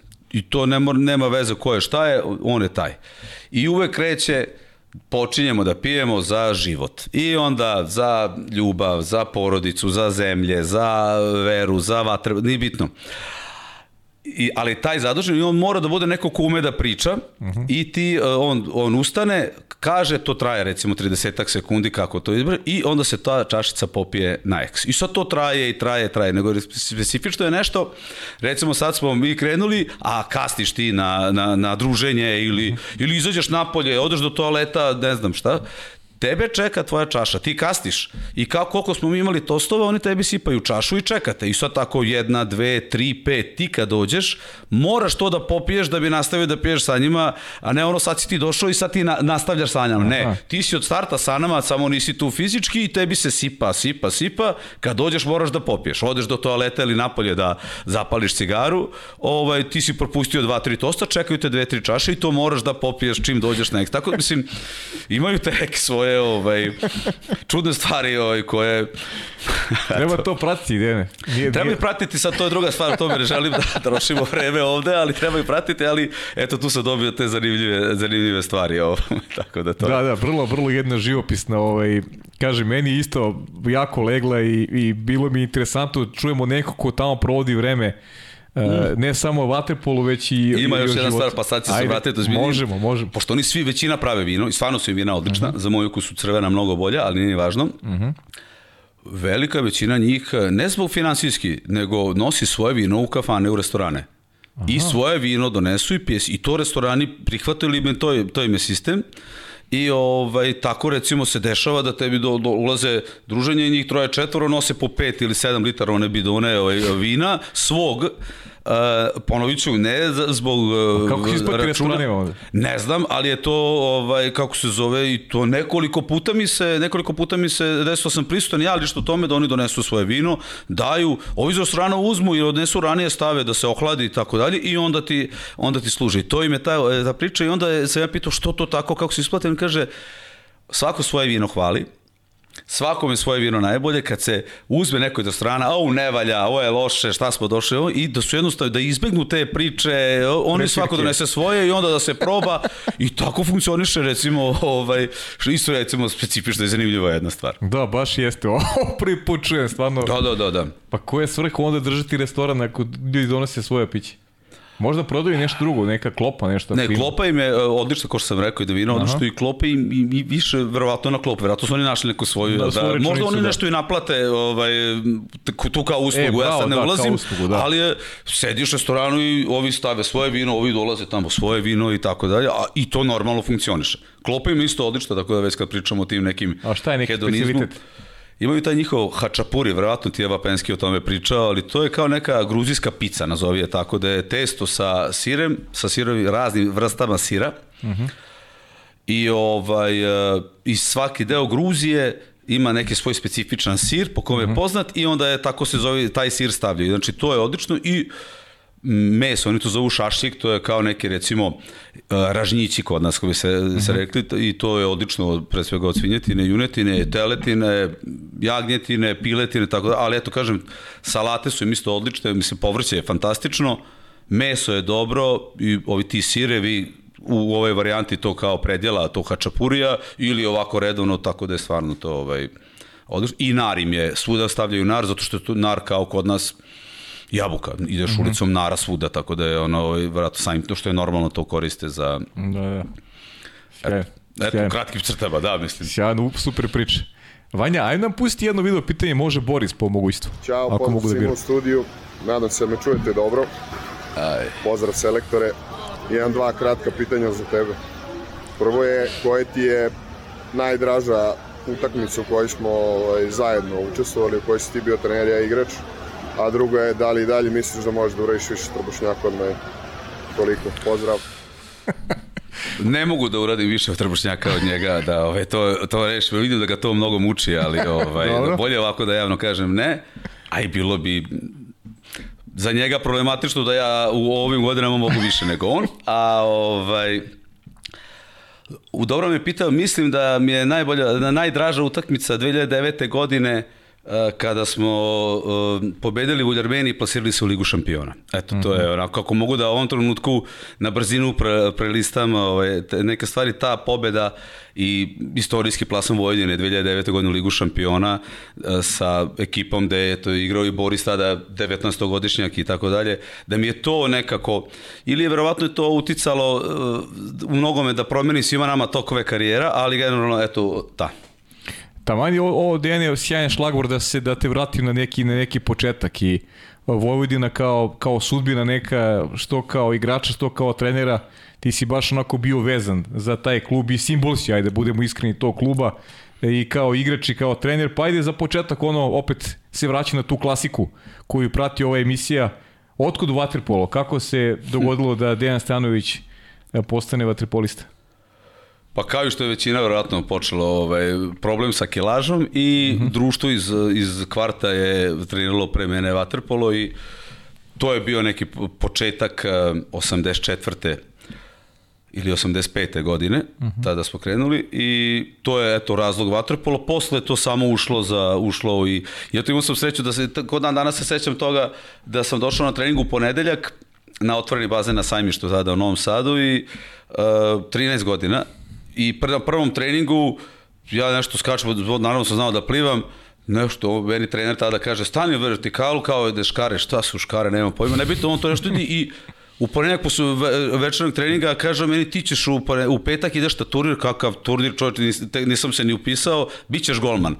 Tada nije svim, tadašnji golman nešto je bio bolestan, nije mogao da trenira i eto ja sam posle pet treninga, vratno niko nije hteo da bude golman, ovaj, uh, otišao na prvi turnir. Tako je krenulo vaterpolo, posle vaterpolo, on, svi mi koji smo iz vaterpola znamo da on kad ti uđe u krv, tu se teško izboriš protiv njega i to je nešto što je neverovatna i ljubav i pasija i sve, tako da je to i eto tako su početci, početak moj vaterpola i cela moja karijera je bila vezana za za vaterpolo klub Vojvodinu. I moram da kažem da ja tu razumem donekle težinu uh, ovo, ovo je sad situacija u Gruziji, jer Novi Sad do 91. godine nije imao bazen. Mm -hmm. zatvoreni, samo otvoreni. Mm -hmm. I da smo mi trenirali praktično samo leti, dva, tri meseca, i preko zime smo imali teretanu i možda jednom nedeljno si išlo u Bečej, Zrenjanin, okolne gradove gde se nešto treniralo i ja zato kažem da je iz svog iskustva znam koliko je kada ti propustiš ili ova situacija što sad u Gruziji da ti nemaš treninge ili imaš treninge 2-3 meseca godišnje i tako ti prolazi od 10. do 18. 20. godine tu nema nikakvog napretka i zato recimo Vojvodina do naravno otvaranja bazena na Spensu nije nikakve uspehe, nikakve rezultate beležila, a već od tada naravno veličina grada, eh, rad, sve dobro, mislim dobro na puno ljudi, eh, miks raznih nacionalnosti tamo i svega ovaj eh, je napravilo to da polako Vojvodina dođe na određeni nivo gde, gde, gde je sada i, i, i gde treba da bude i smatram čak da treba i na više nivou nego što je sada. Mm. Kaži mi, čemu je, čemu je tajna tog Novog Sada i Glomana? Šta se dešava tu? Pa pitanje ti je dobro, ali ja ne mogu da ti odgovorim na to pitanje, ne, da, da imam neke, ne jedno, ali kada sabereš da, da je to krenulo još od Lasora, pa Pjetlovića, pa Mitrovića, Posle toga, dobro, naravno, i bilo je još drugi golmana koji su bili u, u, u mlađim kategorijama reprezentacije naše, ove, ponikli, mislim, ponikli u Novom Sadu, tako da ne znam šta je razlog, ali jednostavno je, to je tačno da je Novi Sad obeležio jednu veliku, veliku eru srpskog vaterpola kada su u pitanju golmani. Mm. A kaži mi, se sećaš ti, kako si taj, taj period, neki klinački, do momenta kad si zaigrao za prvi tim, kako si nosio sa, sa tim nekim e, sportskim, ajde da kažem, izazovima i, i, i nekim observacijama svojim, ostati u sportu, možda promeniti sport? I si imao neka, neka, neka razmišljanja ili si od starta ovaj, vaterpolo negde onako ti lego ušao ti u krv. nisam imao starta, dobro pitanje, bez obzira što smo trenirali samo kako smo trenirali, sam ti rekao, jel da, od da, da. juna do, do mm -hmm. avgusta i, i jednostavno sam ga zavoleo, nisam imao nikad nijedan trenutku razmišljanja o tome da promenim sport, Naravno nisam ni znao dokle ću ja doći, do kog nivoa, kako ću doći, ali ovaj, to je polako vremenom išlo i kad smo završili te mlađe kategorije juniorske, otvorio se eto tamani bazen na Spensu i to je jedan početak nekog uzbiljnijeg rada u novom u treningu i jednostavno samo je sled bio okolnosti i ulazak i upravo, jer tada je Vojdena recimo slično Gruziji,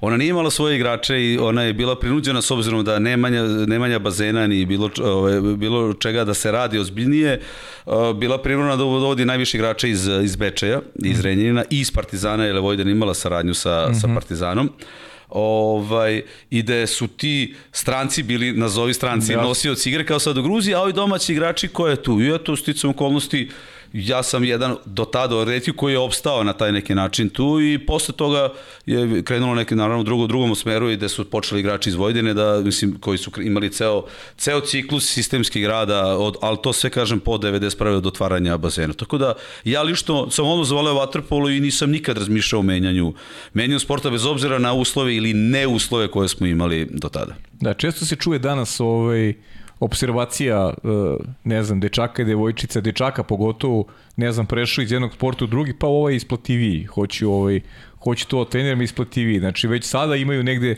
pa, mislim, usađene te neke norme da im je nešto isplativije od drugog. A... Siguran sam da u tome se razmišlja i tu nema šta. Da. Ovaj, u, u moje vreme nije, uopšte u tom nije, trenutku da. nije, nije bilo, pa mislim, A, apsolutno ne. Debi za prvi tim, kako pamtiš? Debi za prvi tim pamtim, on je bio, ovaj, bio je 89. godine ili 88. kada pomenem godište i tako dalje, ali je to bila još uvek druga liga i koja se igrala tada, tada ovaj, leti samo.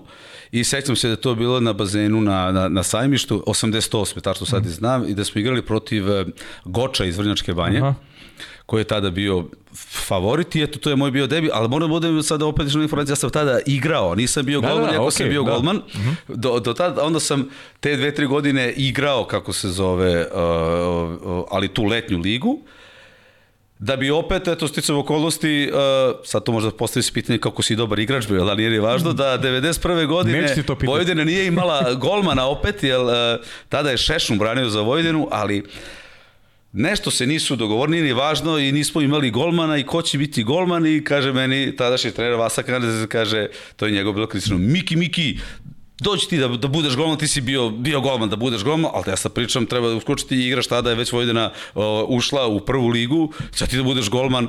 I ja ga pitam, Vaso, kako ću ja, ne, mislim, to što sam radio do 15.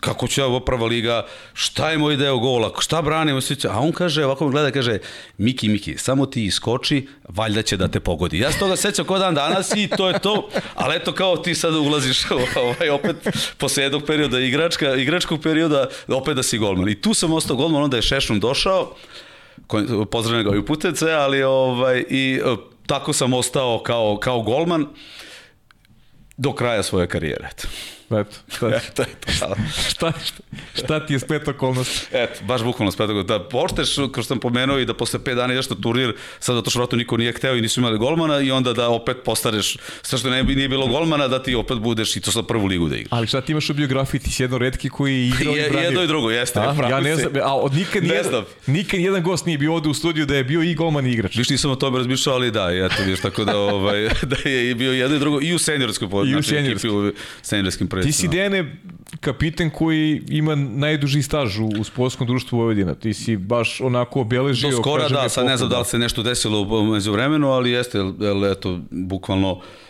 mislim da sam od 93 do, 2000, do 99. bio ovaj kapiten, Vojvodine. kapiten Vojvodine. I ajde sad malo da sublimiraš to, ali mi malo neke neke uh, detalje vezano za, za saigrače, uh, kada si ostio da Vojvodina kao klub ima neku stabilnost koja možda omogući generacijama posle vas da se da se momci pravilno razvijaju da u krajnjem slučaju ja, to, ja to stalno da. ističem ovde generacije koje je sada sišla sa scene bukvalno sišla sa scene koja je toliko podarila srpskom, srpskom vaterpolu i srpskom sportu, to su momci koji su u 85% slučaja ponikli u Vojvodini i, i Partizanu. Pa, znaš kako, uh, rekao sam ti, tek otvaranjem bazena ti možeš da imaš neki, neki normalan ciklus rada tokom cele godine i naravno tebi treba minimum 6 do 8 godina, a možda i više, da ti od početka rada sa tom decom, momcima koji počinju igraju vaterpolo, dovedeš ih na određeni nivo koji iziskuje igranje u prvoj ligi uh, Srbije. Mi smo dobili bazen, ja, znači ja sam imao 18-19 kad se, do, kad se mm -hmm. bazen otvorio, isto okolnosti, mi smo već tada bili prilično limitirani kada se poredimo sa ekipama koje su imale i, tre, tre, i, i redovan sistem, i trening, i trenere kroz sve mm -hmm. kategorije i radili cele godine. I tako da smo još prvi par godina bili prinuđeni, mislim ili ne bili prinuđeni, bila je takva realna situacija da smo imali dosta igrača sa strane, nazovi tako, koji su generalno bili nosioci igre, mada iz godina u godinu igrači koji su tada ostali su polako napredovali, postali značajni i značajni. Mislim da je uh, veliki uh, pomak među igračima, to mogu reći da ja tad bio igrač, bio dolazak Ljube Mečkića kao trenera mm -hmm. na leto 94. godine koji se zadržao samo tri meseca, samo tu letnju ligu, ali da je taj dolazak e, napravio iskorak e, da bolje smo mi tada počeli polako, što sad pričamo, pričamo u Gruziju, da odigravamo s ozbiljnim ekipama ozbiljnije, a ne da bude razlika 25 e, golova. I da posle toga Ljube Mečkić imali smo isto sreću da, da znači on je taj prvi korak napravio da se to digne na taj način, pre svega pričom sa nama, razmišljanje i odvarajući da mhm. igrate s Partizanom, pa šta, ovaj, ajde da igramo, ne samo da čekamo kraj koji će biti rezultat. I dolazak Aca Krstonošića, koji je ovaj, nastavio to i čak razvio na mnogo veći, ne na veći nivo, nego ušao potpuno drugačiji. Ja moram reći u ovom trenutku da jedan od ljudi zbog koga sam ja trener, ili je ne jedan, nego zašto sam ja odlučio da postanem trener je Aca Krstonošić. Uh mhm. -huh. Da sam ja tada video kako jedna ekipa funkcioniše od početka priprema do kraja, kako ide na nedeljnom nivou, mikrociklusi, makrociklusi, kako se priprema ekipa, video analiza, sastanci i ja iz ovog ugla moram da i pozdravim Macu i da, ga, i da mu se ne zahvalim, ali da, da mhm. kažem da je on neko ko je mene zainteresovao da kažem, viš, ovo je zanimljiv, zanimljiv posao gde ti vidiš za šta se radi, zbog čega u ponedeljak, utorak, nije važno, ali sve to pri, pri, pripreme, razmišljanja i da je to napravilo jedan veliki iskorak u Vojvodini i, u, i u, utemljilo neki put koji je kasnije nasledeo. Ali eto, kažem da, da su ta dva trenera njihovim dolaskom uh, promenili to nešto ili usmerili drugačije Vojvodinu i da je, ponovit ću, Aca ovaj, meni pokazao da ja bih želao da se bavim ovim poslom uh, kao mm -hmm. trener. A šta, šta bi onako istakao kao najvažniji detalj te neke igračke karijere, još jedan podsjetnik na te saigrače, da malo postiš na generaciju sa kojom si igrao tada u Vojvodini? Pa uh, sad, mnogo je generacija, mislim, mnogo je vremena prošlo, ali, mm -hmm. ali sigurno bi ja tu isto recimo, pre svega momke iz Novog Sada koji su, pored svih ovih uslova ili ne uslova do, do otvaranja mm -hmm. Spensa bili, da, da, da su ostali i odigravali nešto ovaj, uh, značajnije na kom nivou to je sad, ali igrali ipak prvu ligu Srbije, ne znam, tu je bio Vojkan Ivanović, Zoran Vučković, e, bio je Davor Stošić, e, sam se ako zvorite, ne želim da u ovom okay. trenutku da ovaj, sve njih ovaj, da pomenjem, Kolja Lazar jedno vreme isto igrao, zato su bili isto igrači ovaj, Veljko Nović Top iz Bečeja, ne znam, Goran Vuksanović iz čije sin isto, posle toga u Novom Sadu i Vojdini puno toga Sređan, ovaj, Dona je pružio, koji je tad isto važio za jednog ozbiljnog igrača igrača, kažem, sada ne bi tu pomenuo sam Šešuma, bio je Tešanović, e, golman, tako da, mislim, sada možemo o tome da, da došle potom ko, posle Kožul, Budić, e, znači, počeli su ti igrači, kažem, kako, ali to sve tu u 93. četvrte, kada je Vojdena počela nešto da, da mm -hmm. dešava, upravo Vojdena isto procenila da, da treba ipak uložiti, treba napraviti neki put i jednostavno je to ta neka, neki ispreti igrača, ali pogotovo bi ja istakao ove momke iz Novog Sada koje sam na početku pomenuo, koji su bez bazena tu bili i odigrali, a one ko se baje vaterpolom zna šta znači kada 18. 19.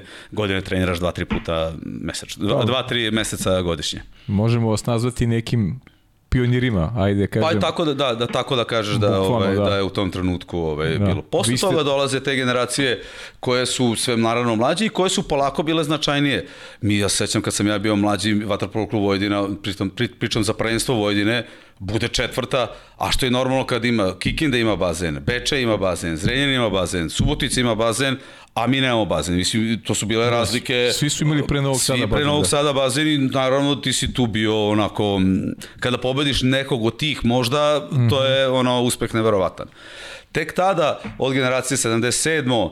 Uh, gde su, ne znam, bili Cvjetičani, Rujević, tako dalje, uh, i sve mlađi i mlađi, polako su se dizali da smo došli do to da Mislim da je prvi igrač koji je otišao u Partizan, ako me ne, ne grešim, uh, Đukić Vladimir, koji je 80 prvo godište mm -hmm. i da je on prvi koji je dosekao određeni kvalitet da jedan partizan ga, ali on je 81. 91. otvorio se bazen, znači on imao 10 godina kad se bazen otvorio i kad je počeo da trenira, da, da on je prvi igrač koji je otišao na taj nivo, potom onda Bojić, Bosančić i tako dalje, mhm. ali eto kažem, trebalo što sam rekao, 10 godina, to je sve generacija 81, 82, da je trebalo 10 godina rada od kada je otvoren bazen na Spensu da dođu igrači da odu u neki ozbiljniji, ozbiljniji klub. Da, sjajan, sjajan podatak, hvala ti na, na, na, na ovome. Ovo isto podatak koji do sada nisam čuo ovde u podcastu. A, ajde da se vratimo, ti, ti Deni nisi išao, nisi igrao vaterpolo u inostranstvu, ti si završio karijeru ne. u Vojvodini i onda si se opredelio, rekao si i ko te negde inspirisao, opredelio si da budeš trener. E, počinješ da radiš sa mlađim kategorijama u svom klubu. Jeste, 99. godine situacija kao je bila bombardovanje sve, tu sezona prekinuta i ja sam tu onda zaključio da u tom trenutku sam ja dostigao neki svoj maksimum, mislim, ja sam vrlo tu bio iskren i realan, uh mhm. -huh. da iza mene je bio Soro, uh mhm. -huh. potom Gojko se pojavio, da ja kažem da stvarno da sam to rekao i to oni znaju, da što bi ja njima, bez obzira što sam tad bio najstariji kapiten ekipe, uzimao mesto i mogu, ono što kaže, ostanem neko ko hoću, ali bi ostao tamo sigurno, što bi ja njima uzima mesto, ja sam dostigao to što sam dostigao, ja bolje od toga ne mogu, daj njima da pružim šansu i jednostavno se samo prebacio da budem trener mlađih e, selekcija Vojvodine i, tu, i moja neka trenerska karijera počinje od 2000. godine. Uh Mhm. -huh. Evo sad je 22. znači 22 godine. Uh, trener i počeo sam da sa mlađim kategorijama Vojvodine, da sam bio prvo Sećam se na kod dan, dan danas pomoćnik generacije, pomoćnik Kolje Lazaru koji je vodio generaciju 84. 85. koja je bila stvarno fantastična generacija Vojvodine i koja je u svim tim juniorskim kategorijama bila ili prva ili druga i, i od Ćuka, Rađena, Pjetlovića, Mitrovića, Crvenka, Avramović, tako dalje, ne nabrajam sada, jedna stvarno fantastična generacija.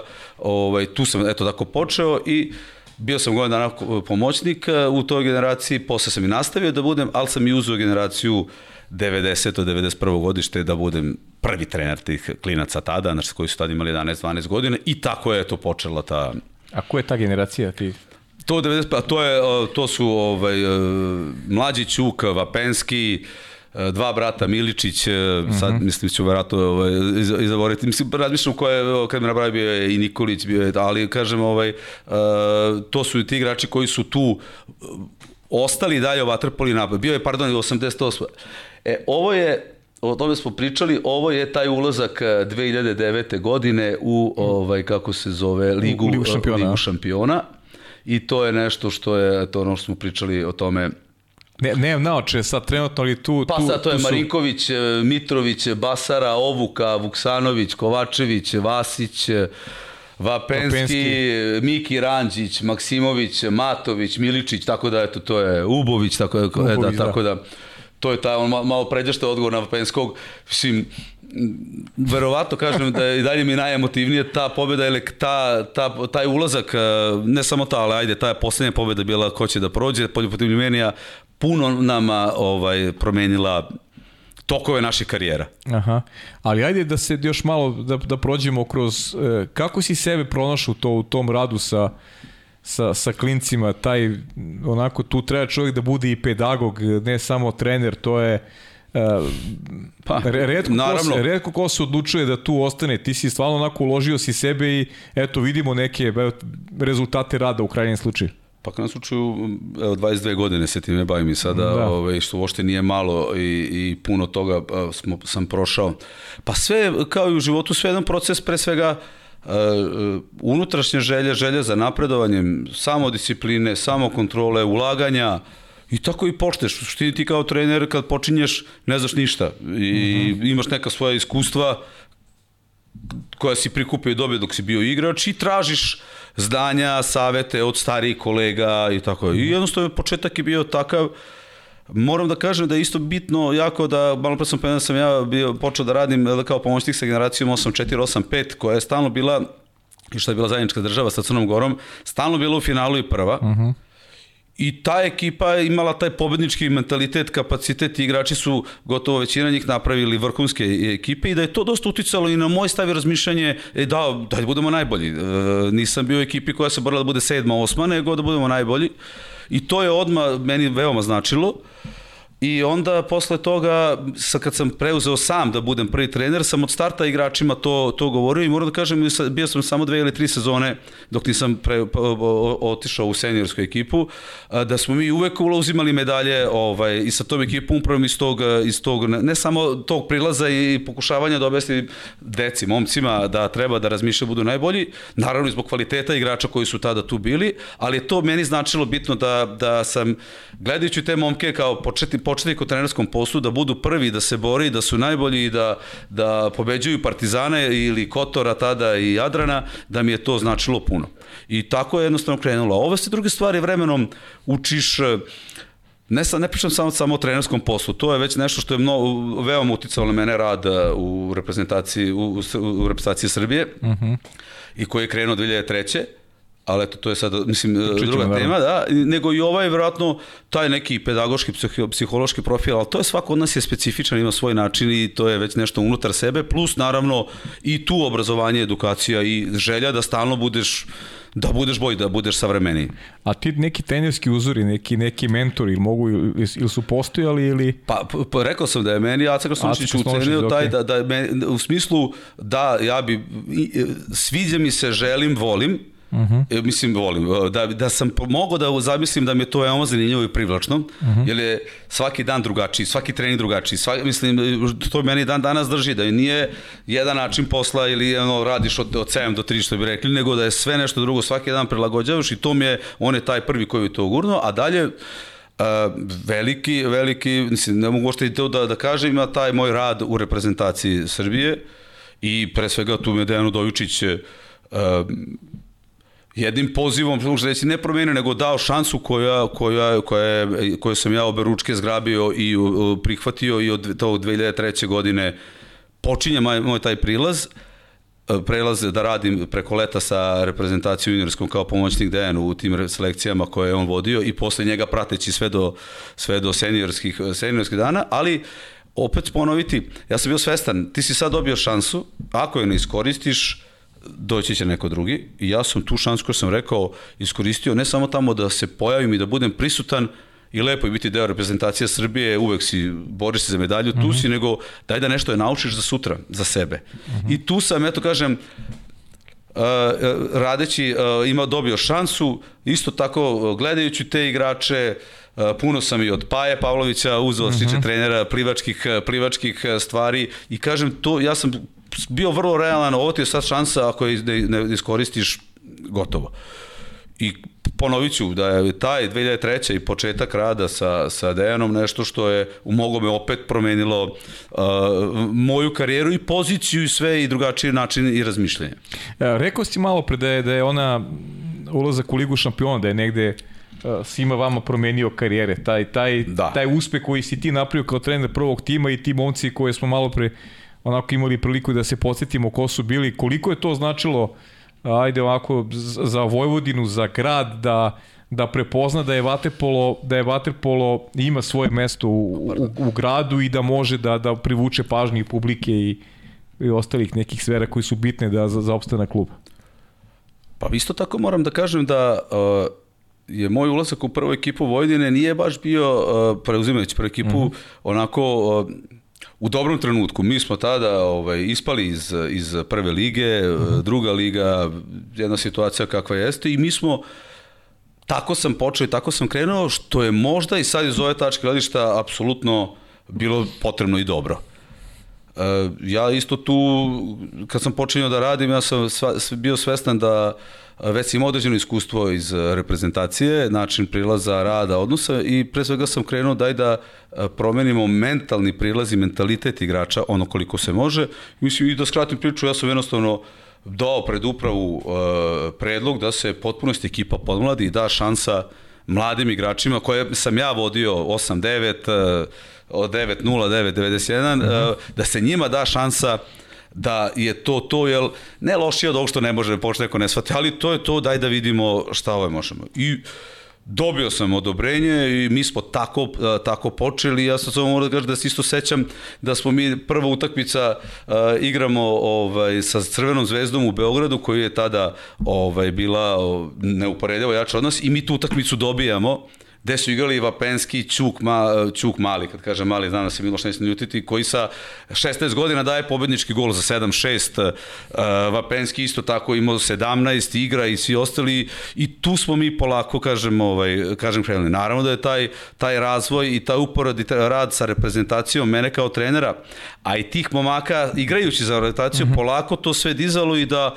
jednostavno iz godine iz godine, iz meseca iz meseca smo bili sve bolji i bolji i bolji i da je to na kraju kulminiralo, ne na kraju, ali kulminiralo tim ulaskom u Ligu šampiona mm -hmm. kada se niko nije nadao i niko nije, niko nije očekivao, a mi smo tamo otišli i i odigrali, igrali smo sa Vojarmenijem, igrali smo sa Honvedom i sa Spartak Vologradom i da mi prođemo u toj konkurenciji i napravimo to što, što smo napravili, što niko nije očekivao, samo dve, tri godine unazad smo bili druga liga Srbije, druga srpska liga i da je to, ponovit ću, svima nama ovaj, mhm. promenilo naš tok i da je ovo, iz ove malo pre slike smo videli, malo pre smo ja i ti pričali o tome da tih jedno dvadesetak igrača koje je prošlo u, ti, u tom mm -hmm. periodu, ovaj, to da po tom periodu radeći u Vatrpolu Vojdini, svi su napravili korektne, dobre ili fantastične karijere i jednostavno mislim da je ta upravo želja da se dođe do svog maksimuma, da budemo što bolji. Ja kao trener da želim da budem bolji, da, da, da nisam zadovoljan, oni kao igrači nas jedne druge guralo. Koliko to možda u trenutku zvuči, ali da smo i upravo, kažem sad, kad bi se vratili na tu sliku, kad bi nabrajali, svi igrači su napravili korektne, korektne karijere i to je nešto što je stvarno kurizitet da svih 20 igrača koji su prošli, ima ovde igrač koji nisu sad na slici, uh, Petar Filipović, Jogi Vukićević, tako dalje, ponovit ću, sigurno sad ima neko, da, da. ali svi napravili to što je vrlo jedan, jedan kuriozitet i napravili, jer ja isto sam želeo da budem bolji, da napredujem i da nešto uradim u karijeri i to nas je sve to vuklo i to je trajala ta priča do mog odlaska iz Vojdene u Rumuniju, da preuzimam selekciju Rumunije 2014. ali stvarno jedan progres koji je Vojdena napravila u tom periodu. E, ajmo da se, da se osvrnu na taj rad sa, sa Dejanom Udovičićem i to što si prošao i e, kao njegov pomoćnik što u toj mladoj reprezentaciji, što u, u Sjenjirskoj, da krenemo od, od tih ajde mladih reprezentativnih selekcija, šta je nešto ti onako ostalo upečatljivo, e, koji su tvoje bile obaveze radeći u stručnom štabu, Ko, I ono što stalno ističe, zašto sam te malo naveo da pričamo o, o tom radu sa mlađim kategorijama, jer nije lako raditi sa, sa, sa tineđerima, sa, sa momcima koji još nisu formirani, koji su pomalo onako usijane glave, pa imaš tu 13 različitih karaktera, to treba, da. treba ujediniti. Mislim da je to onako jedan zaista težak posao i e, zahteva jednu posebnu, posebnu analizu, pa, pa me zanima kako si ti prošao tu, tu fazu, ajde da kažem, Uh, kako se trudio da se ti prilagodiš njima ili si ili ili su bile postavljene neke neke norme kojih su morali da se da se pridržavaju? Odlično pitanje, mislim, na moju sreću to je već postavljeno bilo ovaj, samim sistemom koji je postojao i to je nešto što je Nena Manojlović eh, stalno mm -hmm. fo, forsirao i pričao. Ja kad sam naravno došao, ja nisam uopšte bio svestan šta je to sistem i cele mm -hmm. priče, ja stalno pominjao, ali uh, ti igrači kada sam ja ušao sa Dejanom su već bili 17-18 godina i već formirani prošli sve ono što reprezentacija Srbije i dan danas ima i prolazi i da su već bili i selektirani i na taj način mi je to sigurno mnogo me olakšalo posao kad je u pitanju e, želja, motiv za radom i, i kad su naravno, naravno, naravno znanje. Ono što je meni bilo mnogo bitno da Posle drugog treninga mi je Dejan prišao i samo mi je vrlo kratko rekao ti si došao ovde da treniraš, da radiš, ne da stojiš sa strane. Nema razloga da se nešto bojiš ili da, nego izvoli, radi, tu sam, prati, naravno dajem ti poslove zaduženja šta imaš, ali moraš se izboriti, a ne biti sa strane. I meni je to bilo veoma značajno kad je on to meni prišao i rekao i tako smo, tako smo, tako sam krenuo. U početku je to bilo zaduženje da, da vodim, da budem, da budem vezano za golmane, -hmm. Vrlo brzo mi je Dejan dao, uh, raz, mislim, slobodu, ne slobodu kao slobodu, nego slobodu da, da preuzim teretanu sa njim i kako je vreme to prolazilo i vjerojatno kako sam ovaj, zasluživao neku šansu, uh mhm. -huh. ako mogu tako da se izrazim, je tam te moje obaveze i udeo porako rasli, pa onda analiza utakmica, pa onda ovaj, priprema, pa vođenje jednog dela treninga i jednostavno je polako to sve išlo nekim jednom uhodanom linijom i I ja sam uh, siguran da, da smo mi napravili jedan, jedan fantastičan posao i rad i krajem slučaju mi smo se i međusobno i Dejan i ja našli da smo mi dan danas uh, ovaj, prijatelji fantastični mm -hmm. i da to jednostavno mora sve da klikne i mora sve da, sve da legne, a ništa se ne, ne, ne dobija nezasluženo ili, ili slučajno. Kada su pitanje mlađe kategorije, moram reći da od 2003. pa do 2008. godine koliko sam radio ja sa mlađim kategorijom sa Dejanom, te ekipe reprezentacije selekcije koje smo mi vodili su za, u tom periodu izgubile samo dve utakmice igrali jednu nerešenu. I to je nešto što ja ovaj što ja mislim ja ne kažem moguće da su u, na, posle tom periodu naravno ne pratiš sve bili bolji rezultati ali ja kažem da smo mi u tom periodu jednu nerešenu dve izgubili u celom tom u celom tom od koga? celom tom ciklu. Izgubili smo od Hrvatske i Italije igrali nerešeno sa Grčkom ne mogu reći tašto godine i koje da. selekcije, ali, ali je eto tako. U krajem slučaju reću da ću primjer da 2000 četvrte godine e, ili pete mi igramo svetsko prvenstvo za 8, znači 20 godišnjake, znači 2005. u Argentini igramo finale sa Hrvatskom, uopšte neću našu ekipu da pominjem, pominjat ću Hrvatsku, uh, Bušlje, Dobud, uh, šta da mi možda sad bio, one, Žanetić, Joković, sad mislim stvarno da ne želim, znači, i mi otvaramo utakmicu 6-0, finale onda je to, mislim, jasno uopšte kakav je to bio kvalitet naš, a pomenuo sam igrača Hrvatske koji su, koji su igrali tada za, za njih i eto, to je neki kuriozitet koji ja ne mogu da, da zaboravim. Ja isto sam to, neko je, sad to beležiš, da, ja sam to beležio, ne beležio sad u svesku, ali ostane ti sećanje pobeda i poraza i, i ti na kraju kad podvučeš da to je to. Ali to je kad pričamo sada, to je ova generacija to je taj, koja, se, mislim, koja sada... se sad oprostila. Tako manje je, više. tako je, mislim, stvarno jedna ekipa, dobro, tada je... Pričamo o Srbiji, pričamo o Srbiji. Da, da, tačno, tačno da. tako, tačno tako. Vi ste od početka, Dejan Udovičić i ti ste od, i ti ste od početka s njima radili i polako uvodili u, u A reprezentaciju da, kada je Dejan preuzao da, reprezentaciju. Da, moje, da, naravno, moje prvo takmičenje je bilo, mislim, veliko takmičenje je bilo Evropsko u 2003, 2003. u, u Napolju uh mhm. -huh. za, za ovaj, 83. i mlađe. I to je polako je to krenulo i naravno Dejan je preuzeo reprezentaciju. Kako je Dejan preuzeo, govorim za seniorsku reprezentaciju Srbije, tako sam i ja samo nastavio sa njim i već smo krenuli automatski zajedno i prošli sve do, do njegovog odlaska u Ameriku mm -hmm. zajedno. Koje ti najdraže takmičenje, to, to juniorsko? Pa mislim, juniorsko? Mhm. -huh. Juniorsko najdraže takmičenje mi je mi je ovaj upravo to final sam pomenuo to, u Argentini da smo jednostavno uh, zbog, ne zbog dominacije, još na tom prvenstvu e, na, bio igrao je ove, Bobek Vukčević je bio centar, slomi lakar, padne, znači igrali, igrali smo i bez jednog centra, a, ali samo sa, ceo, u, ceo, za juniorsko to finale, pre svega finale, ovaj, e, finale tog e, svetskog prvenstva u Argentini i način kako smo mi to odigrali da je to Aj možda kažeš koji su igrači bili u Srbiji tada, da je to čisto da zbog publike biće im interesantnije. U reprezentaciji? U reprezentaciji Srbije, da.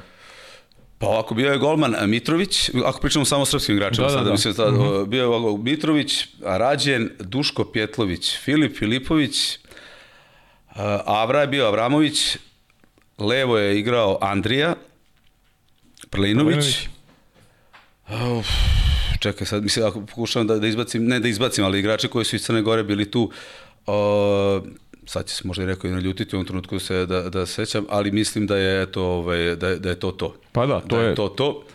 Kažem, sad dobio je Leka, Bobek, Sigurno sam rekao, posle setit ću se još i kasnije, ali dobro Leka sam. Jović. Ovaj, da, da, da je bio. Leka da, je bio. Igrao za nas. Da, da, igrao Bobek, aj dobro, on je slomio ruku.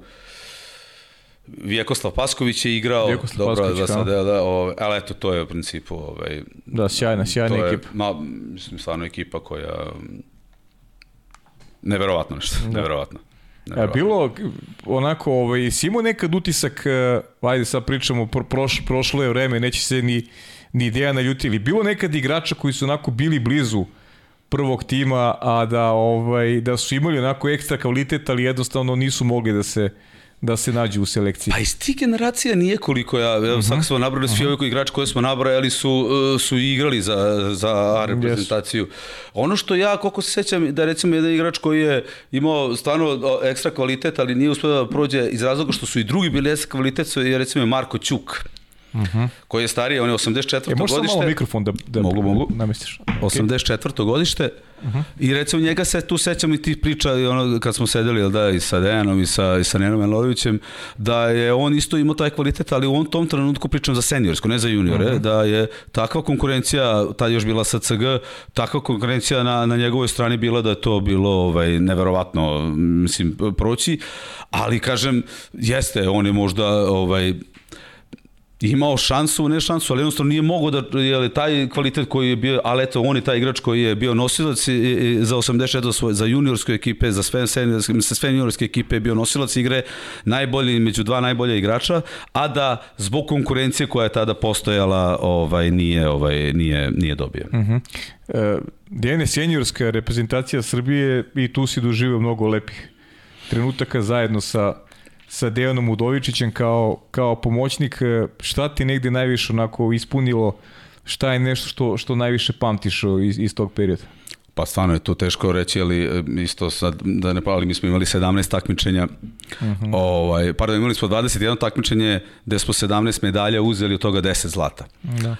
I to je isto podatak koji ovaj, je, je, je nešto govori.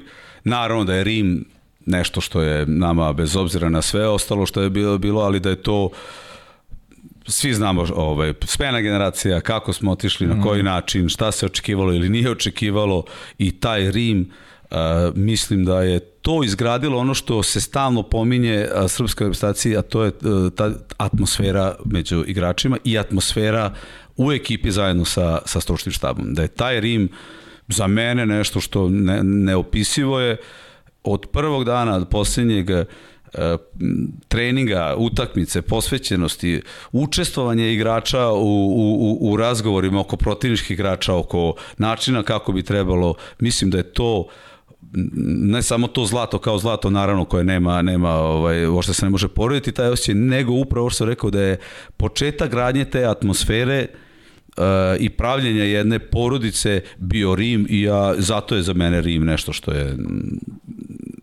ne mogu da poredim ni sa čim. Ej, si verovao pre odlaska u, u Rim? Da je moguć takav epilog? I kako proživljavaš onu, ja, ja se sećam, ja, ja stalno ističem, meni je Rim, meni je Rim najdrži, zaista. I, i pamtim ga baš sa onako vrlo emotivni momenti, sve one utakmice, da. prvo raspored ceo. Ma, uh, otvaranje, kako smo odigrali, da. prvo, ono, sve, mislim, apsolutno, ne, ne mogu da ti kažem da, šta sam, e, da li sam verovao. Jesam, verovao sam, ali e, ne u smislu, recimo, bio, ja sam bio ubeđen e, godin dana pre toga olimpijada u Pekingu, Ovaj, moja prva olimpijada naravno, i to je isto nešto što ne zaboravljaš, samo učestvovanje tamo i sve, to je isto jedna da. neverovatno značajna bitna stvar, stavka u mojom, mojom životu, ali ja sam bio ubeđen mi uzimamo zlato. Uh mhm. -huh. Znači 100% sam bio ubeđen uzimamo zlato i da onda neuzimanje tog zlata u Pekingu mi je meni ostao neki veoma onako jedan gorak ukus uh -huh. i ne, onako čudan neki osjećaj, je gorak ukus da kažem ustima. Rim ne mogu da kažem, neću da kažem da, overao sam, ili, a neću da kažem da nisam. Jednostavno, ja sam mislio da, gledajući nas i na tim nekim pripremnim utakmicama i, i kako ekipa priča i kako rezonuje i kako smo, mi završimo trening pa idemo ne zboriti nikad Ivanja Udovičić ja ovaj, kola do kola eh, parkira, bili smo parkira, pa, mislim, na parkingu i mi idemo i pričamo o igraču manje.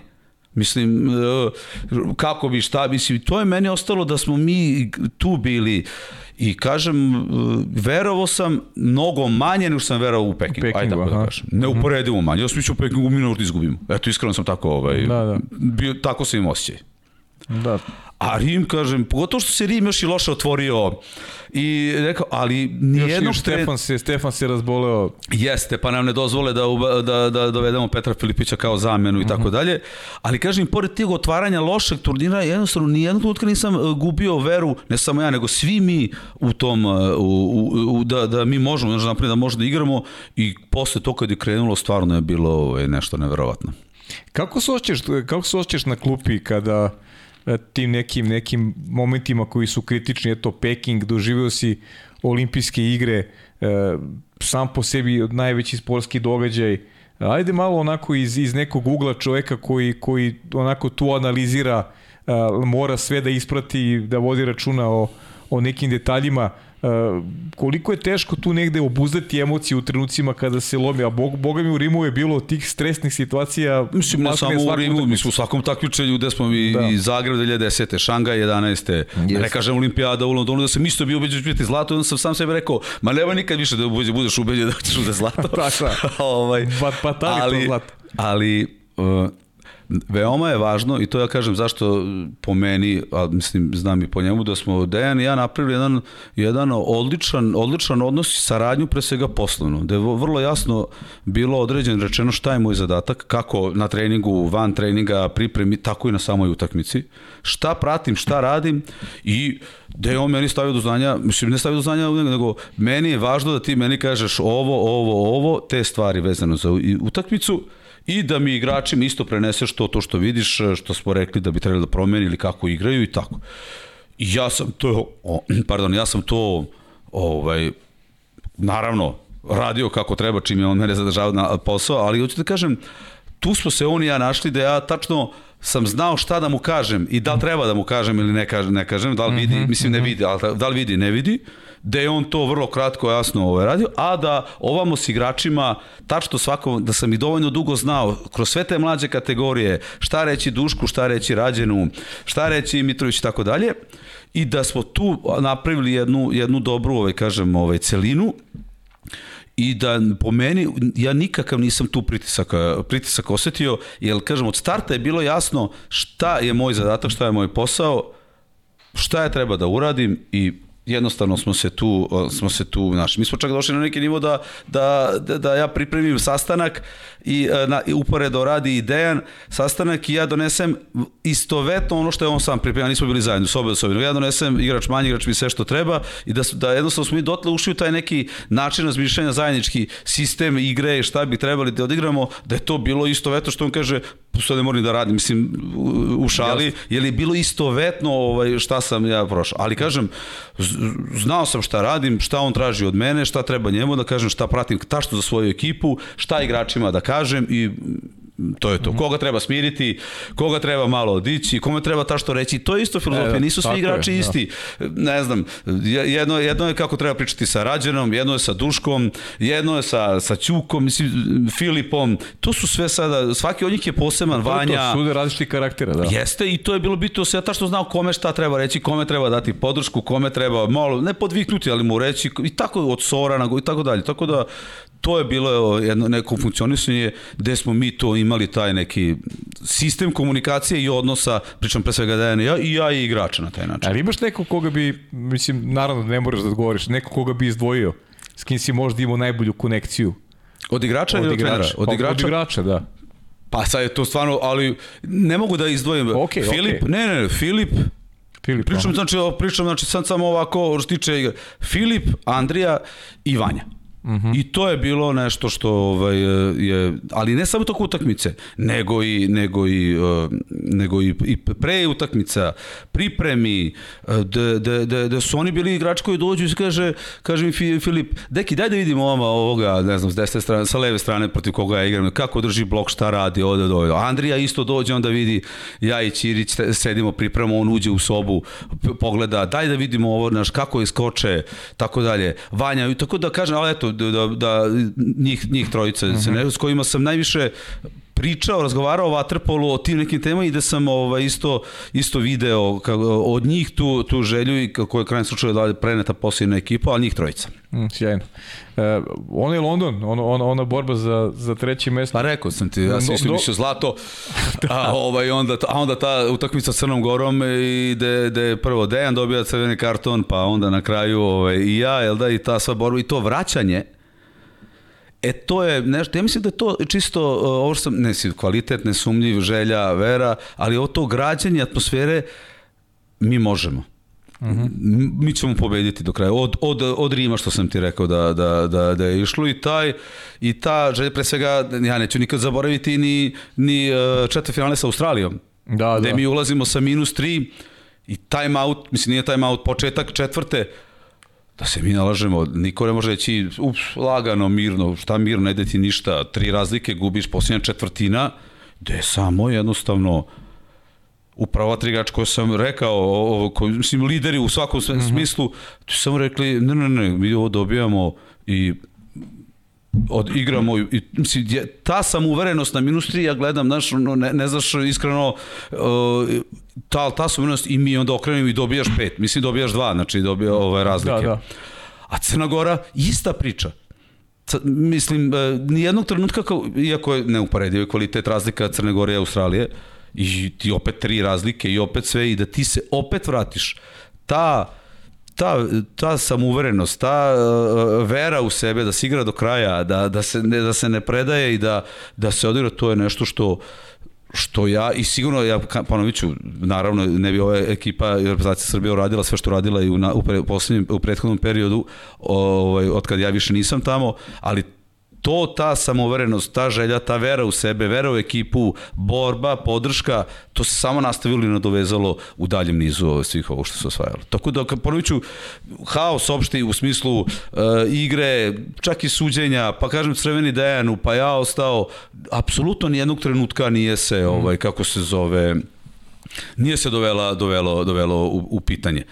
I ne mogu reći da je meni bilo, to je bilo ono, nije bilo ove prve utakmice, imao sam još nekoliko utakmica koje sam ja vodio reprezentacije Srbije i Svetska liga 2011 i tako dalje, ali ja sećam i time out, to je posljednju četvrtini i sad ja daš da uzmeš time out i razmišljaš sam trebao, nisam trebao, a, te, a, a, a Filip dolazi kaže super si uzeo treba nam. Znači, mislim, sve te neke mhm, stvari mm -hmm, zajednički, daš i bit neverovatno nešto, kažem, cela.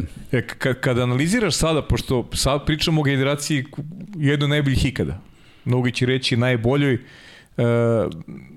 šta bi ti ovako zdvojio, čime bi ih ti opisao, kojim epitetima bi onako podgreo priču vezanu za, za momke koji su išli sa scene, a ostavili su, ostavili su toliko mnogo u amanet uh, srpskom sportu, ne samo srpskom, nego i svetskom sportu?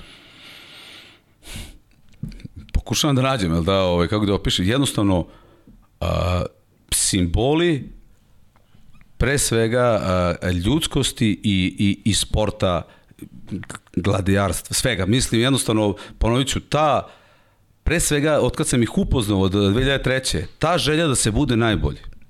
Kroz trening rad, ne samo kroz priču, uh mhm. -huh. kroz trening, kroz rad. Posvećenost da budeš najbolji. Posvećenost da budeš najbolji, ali da ne ide na štetu ekipe i na kraju su došli na nivo da su svi ne možeš reći šta, na, nešto što je najviše imalo, naj, najbolje na svetu. Ne znam da li su I po svojim pozicijama neko bio mhm. bolji. Ovaj, nešto što, što je, ja bih to tako rekao, jednostavno pravi uzor i da Srbija kao zemlja i siguran sam da je tako, da treba da bude ponosna na sve te momke koji su tu radili, jer je to nešto što je teško ponovljivo. Uh mhm. -huh. Banja, ajde da čujemo još jedno video pitanje.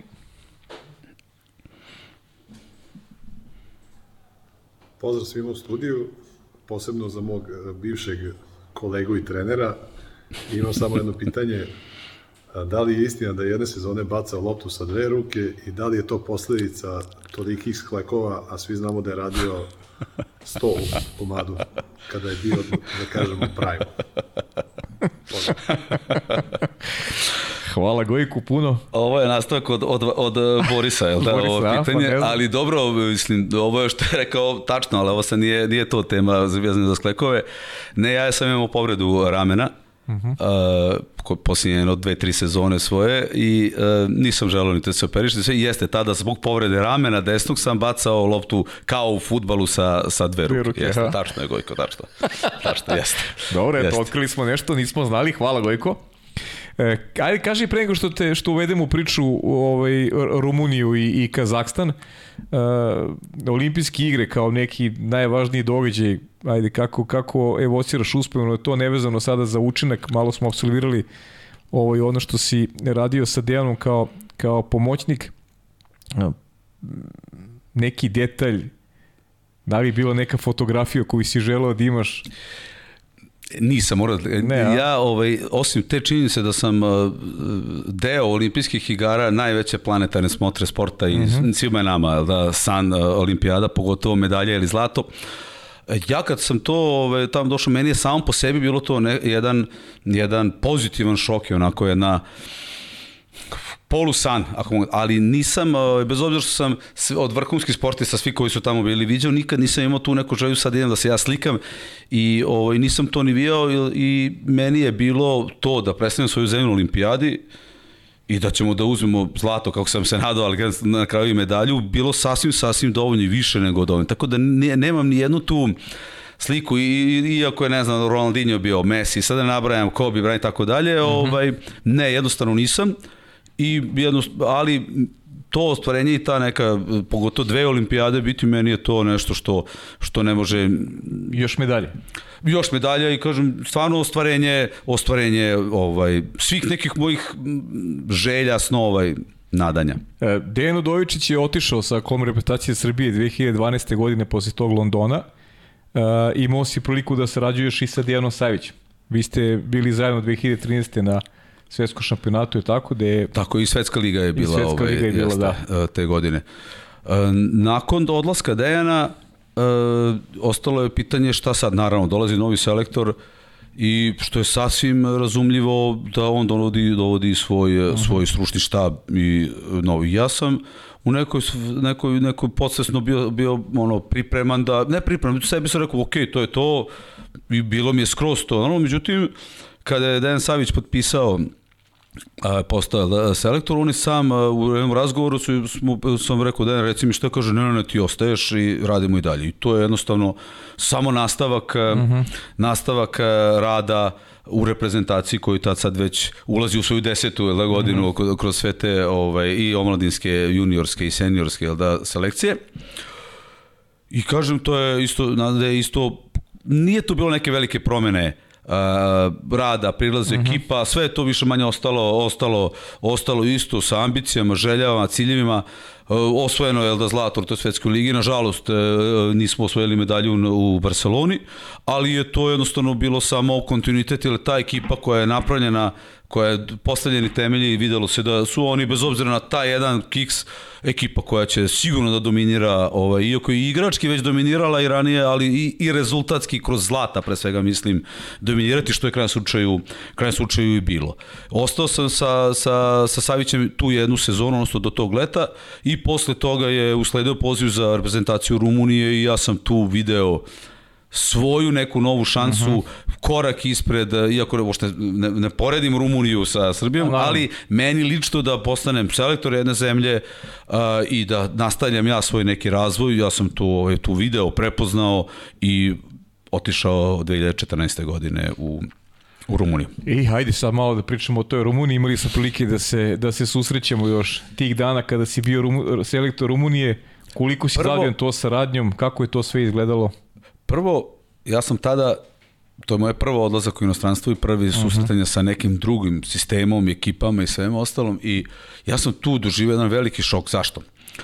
Rumunija je jedna korektna reprezentacija, mislim uh -huh. uvek mhm. neka ekipa koja i pogotovo do te godine imala ovaj, i odlične igrače gde su oni celokupna rumunska reprezentacija igrala u inostranstvu i to u korektnim i dobrim ligama i timovima i onda dolazila odigrala prvenstvo i stvarno su bili dobra ekipa. Uh, dobar deo njih je 2014. prestao, već su bili su u ozbiljnim godinama, gde sam ja došao i počeo da radim i ok, i ponovit ću, znači jedna korektna ekipa, međutim ja sam došao tamo i ja se sećam reči Nada Menolovića, kad kod negde krećeš da radiš, na treningu im daj trenutnu odbranu, odbranu od kontra 5 na 6, da vidiš linije plivanje postavke, kako se staje u odbranu i da vidiš ka, da, kakvi su u napadu kontra 3 na 2, kako će da se postave.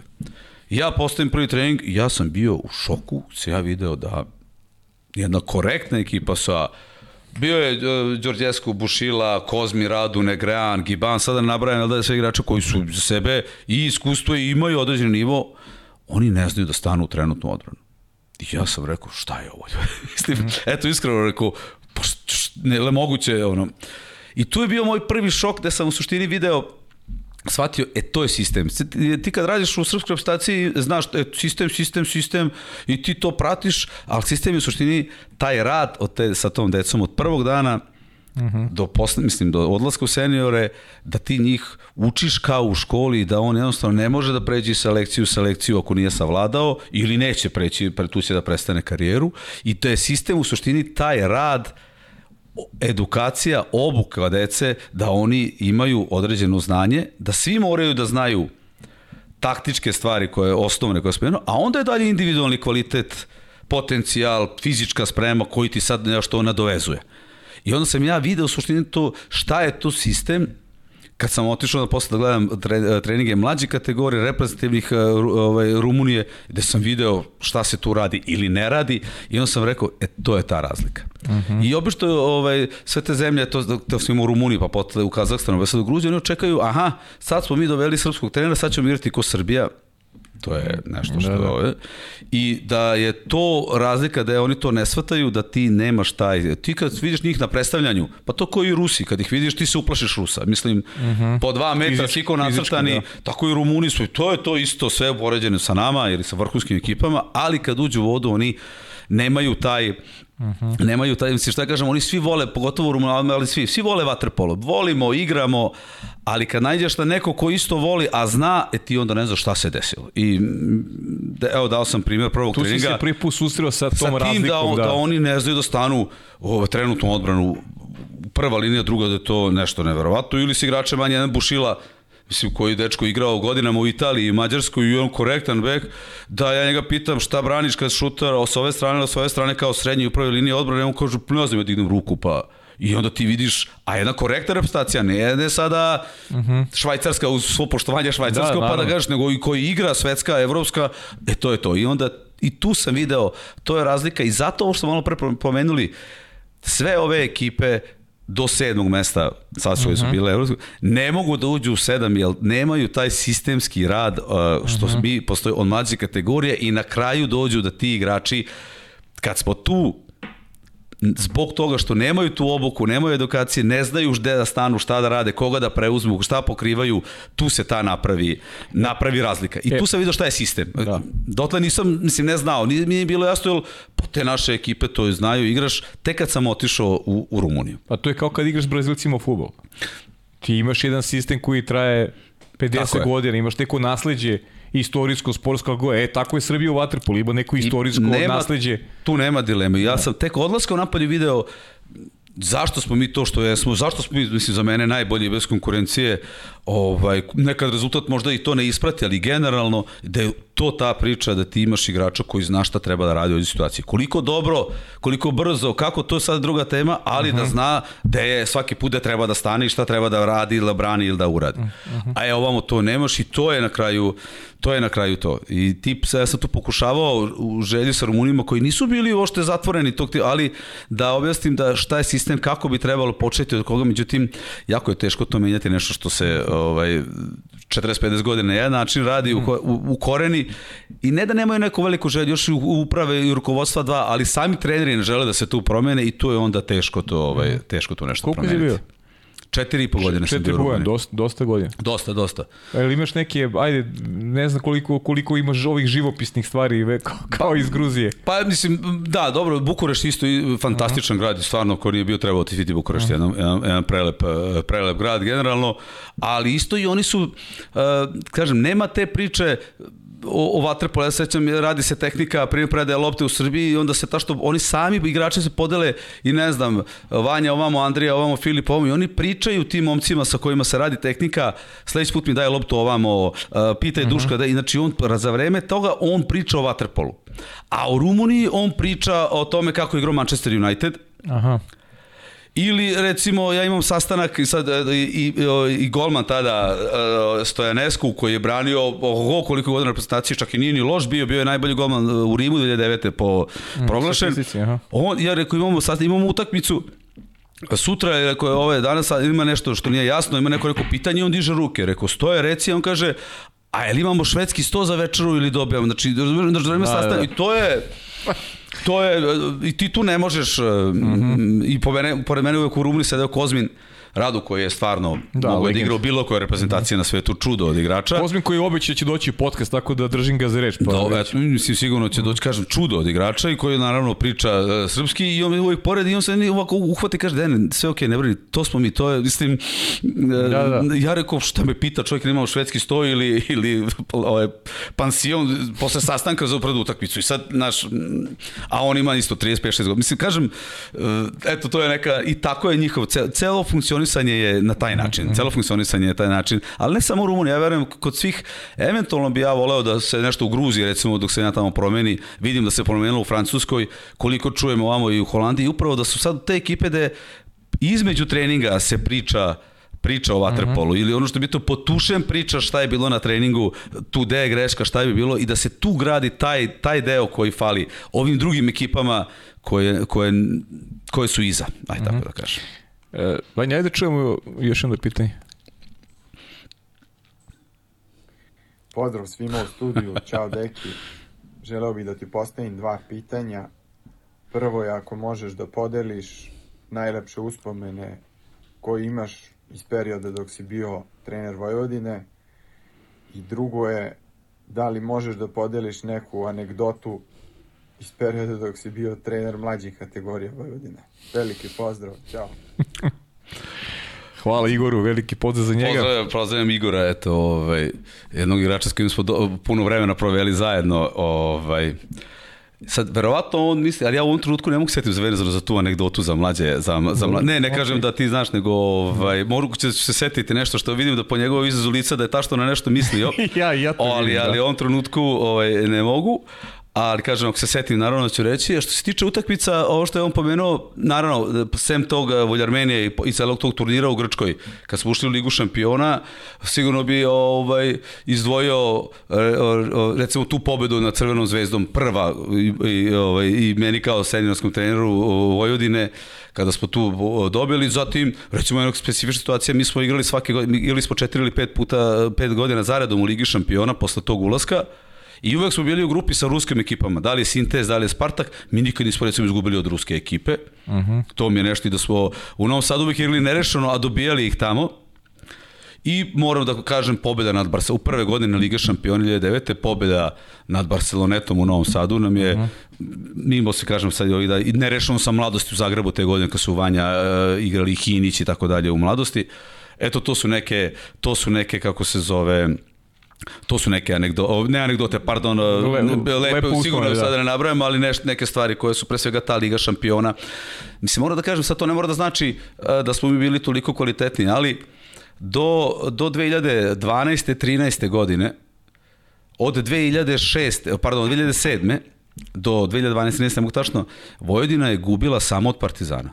Mhm. -huh. Mi nismo izgubili utakmicu u domaćem prvenstvu i kupu do finala S Partizanom. Da. S Partizanom. Odigrali smo, govorim sedme, ne šeste, odigrali smo samo jedan put nerešeno sa Nišom, protiv Niša u Novom Sadu, ali eto, nismo izgubili, znači nis, ili u Niš, nije važno sada tačno, da osim Partizana mi nismo izgubili, ovaj, kako se uh mhm. -huh. zove, utakmicu. Tek tada, smo, je, ali eto, to je, ali sad ne bi uzimao te sad utakmice, mislim, ipak, ipak je taj ulazak u Ligu šampiona i ta, ovaj, kako se zove, mi smo sve te u, u grupama, bez obzira razliku kvalitetu kako bili, mi nikad nismo završili bez pobjede, čak što više, dva put smo bili na domak prolaska među, među, među osam, I evo malo prepomenuti Marko Ćuk je igrao za Sintez i mi ovaj kako se zove vodimo 10-9 zadnji zadnji 10 sekundi i sa time ulazimo među 8 u ligu šampiona sa decom, klincima, mislim ako mm -hmm. mogu mhm. tako da nazovem.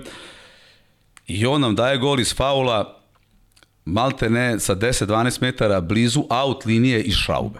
U za, iz šaube. Znači, moj ni golman, jer evo, nije važno i za utakmicu završava nerešeno i mi ne, ne prolazimo dalje, ne prolaze ni oni, ali ovaj, i tu nam je bilo, recimo, to je recimo možda od njih najvećih šokova za mene, ovaj, ne negativni, nego ja sam mislio, ne znaš, ono, jednostavno...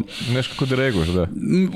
Kažu gotovo, 10, 10-11 sekundi do kraja daje gol i, i, i tu smo, ne negativno, ali isto je jedan šokova neke stvari. Ovo za anegdote... I si, mu, i si mu rekao to pred neki dan? Jesam, ne pre neki dan, ovaj, rekao sam mislim ranije, ali bože dragi, on je tada i, ali eto, to je bilo ovaj, Dene, ajde, pošto znam i da si, da si i u žurbi malo hoćeš da, da malo, eto taj Kazakstan, imamo neka pitanja gledalaca, imamo obavezu to da odgovorimo, hoćeš da zaključiš neku priču sa, sa Kazakstanom, imaš još nešto dodaš, malo negde si onako pričao si o njima kroz, kroz emisiju, ima nešto se kaže specifično za tu tvoju, ajde pre odlaska u Gruziju, Eto i bio pa, si selektor, ti si bio selektor tri zemlje. Vidi, mi smo ovaj, taj Kazastan, da, upravo si. Sem da ne pominjem sada hrane i tako dalje. Da, da, ne, moraš, imaju, ne moraš. Ovaj, dosta je tamo ovaj, konjetina zastupljena, pa sad je to je specifično ko voli, ko može prihvati, ne, ali tako je. Pa recimo i taj Kazastan, Moram reći da i, i kao ovo što je bilo u Gruziji, sada za nekog to znači, za nekog ne. Za mene moram da kažem iskreno da je, dobro, to je reprezentacija Kazastana je bila i Dinamo Astana, kao što sam pomenuo, mi smo igrali mm -hmm. klubsko prvenstvo Rusije, i da smo eto u toj godini prvi put u istoriji postojanja pobedili Dinamo Moskvu Spartak Volgograd i neke stvari koje su možda za ovo ovde podnije nebitne, ali za tamo veoma bitne, jer su to deša, dešavanje da se nikad ne dese i tako dalje, a to mi smo to, to uspeli da uradimo i da me isto vežu sasvim jedne, jedne lepe uspomene za, za ovaj, kako se zove, za Kazastan iz tog nekog ugla. Novi ljudi, novo iskustvo, e, poznanstva i ovi neki određeni rezultati koji su bili iz moje tačke vrlo korektni i kažem i tu je ostavio, ostavio neki, neki uh mhm. -huh. trag, a to je smo pobedili prvi put u istoriji Spartak Volgorad, jedan čuveni što je bio, uh mhm. -huh. ili Dinamo Moskvu i tako da, eto, to su neke, ovaj, neke stvari vezano, vezano, za, za, vezano za njih a naravno i njima se može pričati kao malo pre ili zemljama, ali kažem sada da ne, da ne šimo. To je kažem, i slabiji kvalitet nego Rumunija. Pa, u svakom slučaju i mm -hmm. ekipe i kvaliteta i života i tako dalje, mhm. ovaj ali kažem ovaj da je sad on to u ovom trenutku isto jedno po mene lepa lepo lepo generalno iskustvo u slučaju ja sam evo jedna čisto jedan detalj ja odlazim tamo u Rumu, recimo u Rumuniju sam došao i počeo sam da pričam na engleskom naravno Mm -hmm. Mada sam ja sebi dao zadatak i prvi, prvi sastanak sa ekipom sa, sa, sa reprezentacijom u Rumuniji sam održao na rumunskom. Uh mhm. -huh. Ja sam uh, učio rumunski, pripremao se, pa sam, što sam ja potpisao već tamo negde ovaj, u oktobru 2013. za Rumuniji, znao sam da počinjem u februaru, ja sam počeo da učim na privatna časa rumunskog je da jednostavno, zašto da ne naučiš malo jezik, koliko može se i tako dalje. Međutim, Na kraju ja sasvim sad korektno i pričam rumunski i razumem ga potpunosti, mm -hmm. ili ajde kažem 90%, a, a sporazumevam se, on, verovatno katastrofa tiče vremena i glagola i svega, ali ja pričam s Rumunima kada dođem u Rumuniju, ja pričam s Rumunima. A recimo odem u Kazahstan i ja prvi trening i krenem da pričam na engleskom, ja vidim oni ništa. Znači, šta je, ali ajde, kao prvi trening, da, i na pola treninga, pošto su ovde igrali i Šmider, i Ukumanov, i uh, Šakenov, znači imalo igrača iz Kazastana koji su igrali ovde i za, za, za, recimo za razliku od Gruzije, veliki broj igrača Kazastana igrao u, u, u Srbiji uh -huh. i u Mađarskoj, uh, i u Crnoj Gori i oni su tu dobili mnogo veće iskustva i kazaški igrači su generalno do skora bili bolji nego gruzijski igrači. Pričam kazaci, kazaci, gruzini, gruzini, uh -huh, mislim. Uh -huh. Upravo zbog tog iskustva. Sada se vratim na ovo i na pola treninga taj kapiten uh, kazastanske ekipe u Kumanov dođe meni i kaže Dejan, Dejan, on zna srpski, mislim, i kaže, ja rekao, reci, Rustan, kaže on, ovaj, što pričaš na engleskom, oni ne razumeju engleski. Ja kažem, pa na kom jeziku sada ne, ne, ne, ne neku drugu reč, kom jeziku da pričam? Pa oni kaže, znaju samo ruski. I sad ja, ajde, i onda cice u kolosi, što je meni dobro, kreneš da učiš ruski i to ono, ono da osnovno, kao kaže lopta, ruka, noga, pliva i doda uh -huh. i mhm. tako dalje, ono bukvalno tako. I onda sam sad naučio da i ruski, što je super mi dalje, dalje u životu, ali ja kažem, zamisli ti pregovaraš sa trenerom, potpišeš ugovor, dovedeš ga i ne kažeš da treba da vodiš eh, trening na rusko. Mislim, da, da, govorim, detalj. govorim mm. i onda sam, kad sam to rekao menadžer kaže, pa šta ima veze, naučit ćeš. Mislim, govorim, šta je ovo? da, da, jasno. Tako da je to, to za, za Kazastan možda to najviše, ovaj, kako se Aha. zove. E, pre nego što pređem delne pitanje, gledac, ima jedno pitanje, ovaj, pošto ja često to govorim u direktnim prenosima, možda su ti rekli, e, ti si ovako jedan vrlo temperamentan trener, I ovaj, tvoj glas može se čuje bukvalno u svakom prenosu. Kad igra Dinamo iz Biljese, kad igra Gruzija, kad igra ranije Rumunija. Jeste, i Vojvodina. Jeste. I Vojvodina. Ti toliko vodiš energičnu utakmicu da bukvalno ja, meni nekad, ja nekad se utišam da mogu gledalci da čuju kako ti deliš savjete sa klupe. Ovaj, e, uneseš se bukvalno u svaki meč, nije bitno da li je tvoja ekipa vodi, da li gubi sa 5-6 razlike, ti od početka do kraja si onako vrlo temperamentan, pa Ajde malo da, da mi kažeš iz prve ruke ovaj... Pa, sigurno je to stvar karaktera i, Aha. i mene lično. S druge strane, baš sam relativno skoro pričao sa Vapenskim, uh, smo, uh, posle Splita smo bili par dana u Novom Sadu zajedno dok on nije otišao u Brešu. Ja od početka svoje karijere, ajde sad pričamo seniorske, ne, ne pričamo o, o mlađim kategorijama. Ja sam imao ekipu koju treba učiti, obučavati, voditi, jer su svi, ne neobučeni, nego mladi, trebaju raditi, znači, igra, a igraju seniorsku ligu i ti treba da ih učiš, obučavaš, uh, vodiš i to jednostavno ne možeš ukoliko tako se ne postavljaš kao ja. Pa sam došao u Rumuniju i jedino sam tu prvo evropsko prvenstvo ovaj, 2014. sam imao iskusnu ekipu gde su onda posle toga svi osim Kozmina i Negrana i Gibana prestali, gde ti dobijaš devet igrača isto klinaca, a rekao sam koliko su obučeni bili ovi mm -hmm. koji su bili ozbiljni igrači za ove, pa i njih moraš da vodiš, da rukovodiš, pa tako Kazastan, tako sad evo i Gruzija. Mm -hmm. Jednostavno, da, upravo si. Ja sad uopšte ne znam uh, kako bi se ja ponašao da ti dobiješ jednu uh, iskusnu, ozbiljnu ekipu da oni svi znaju, da. ili u ja se sećam reprezentacijom Srbije, ti se sa njima dogovoriš, mislim, dogovoriš, to, to, to, to, to i oni to tako ti odigraju. Ovde, pa ti to moraš da treniraš uh, i zato je to razlika, ti recimo evropsko prvenstvo ili svetsko, i ovi sad i Gruzija, ti imaš tu prave razliku ekipe, da se ekipa završi jednu utakmicu, ima jedan dan da se pripremi za drugi, oni se pripreme. A ti imaš i dovoljno ima jedan ili dva treninga da to savladaju i da to odrade. A ti imaš ekipa kao što je i naša, mislim moja nema tu šta, to je tako ceo, ceo jedan sklop, gde njima treba 5-6 treninga minimum da bi nešto uhvatili, a ne samo da, da na jedan trening ili kroz dva ili svi do sastanak uh, to prihvate. Mm. Ja sam sad uh, uhvatio sebe, baš sam pričao sa Openskim o tome, ja nemam pojma šta bi ja sada recimo raditi da uzim, recimo Pričali smo, evo, u Brešu, super ekipa, vrhunska, sve, ovaj, gde oni, on kaže trener šta treba, oni to rade, manje, više uspešno, uglavnom više uspešno, ali nema potrebe da ti njima govoriš stani na dva metra. Uh -huh. Ili raširi, ili preuzmi, ili stani između, da oni to već sami pohvataju. Tako da, verovatno, neverovatno, moj karakter sigurno, takav kakav sam, grlat, eto da mi je Bog, Bog glas mm -hmm. da, da imam, a i tamo činjenica da ti od starta učiš igrače osnovu, bazu i da ti njima moraš govoriti, ili ako ne kažem, ne znam, o, nije važno sada, ajde, Saba stani na, dva, na liniju 2 metra, on neće stati. Mislim, Da, da, e, jasno, i, jasno. i to tako moraš stalno da, da, da ponavljaš i to mene vratno prati tu neku celu karijeru od Vojvodine sa tom decom, pa ponovit ću sad Rumunija, Kazahstan i, i sad Gruzija, da, ali ti si u pravu, tako da ono, čak sad više mi sudije ne opominju, vratno su sad prihvatile mene tako, pogotovo je Đani Lonci ranije bio pre, pre svake utakmice, Dejan, please, if you continue, we will... see." Pa, e, sad i on posljedno, dobro, sad više nije Sad nije to, to, ali da. zadnje godinu, dve i sad sudi, uopšte više mi ne, op, ne opominju, ali oni sami kažu, ti nas ne vređaš, mislim, govorim sudije, ne psuješ nas, ne vređaš, ne govoriš nama, govoriš igračima, što ja da to uopšte remetim, ono kažem, jel nisi upućeno nešto o nekom, što je, tako da eto, ali tu si u pravu, da. Meni je sjajno bilo Spaladijum arena puna, Hrvatska, Gruzija i samo, samo se Dejan čuje. Da, ali njih tamo 10.000. Njih jeste, tamo da, 10.000. ovaj, jednostavno, to je tako i sad, znaš, ja onda, ovaj, jeste, nemam šta ni da dodam ni da oduzmem. A ja sam takav i to je, ovaj, to je nešto. Ja tako vodim i trening. Uh -huh. Tako vodim i trening, ja Sjajno, se završim sjajno. trening, ja se, ja se umorim posle treninga kao da sam na cijela igrao. Ja sam takav, ja to vodim.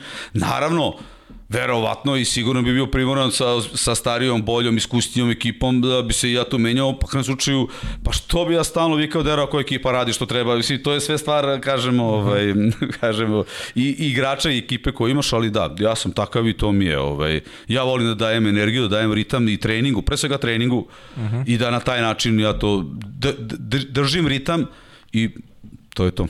Ajde probamo da odgovorimo na, na, na pitanje gledalaca. Uh, gde večeras? Kaže, koja mu je omiljena biblioteka i knjiga u Novom Sadu? Pa, knjiga u Novom Sadu, pa pre svega stalno sam išao u gradsku biblioteku i Pa.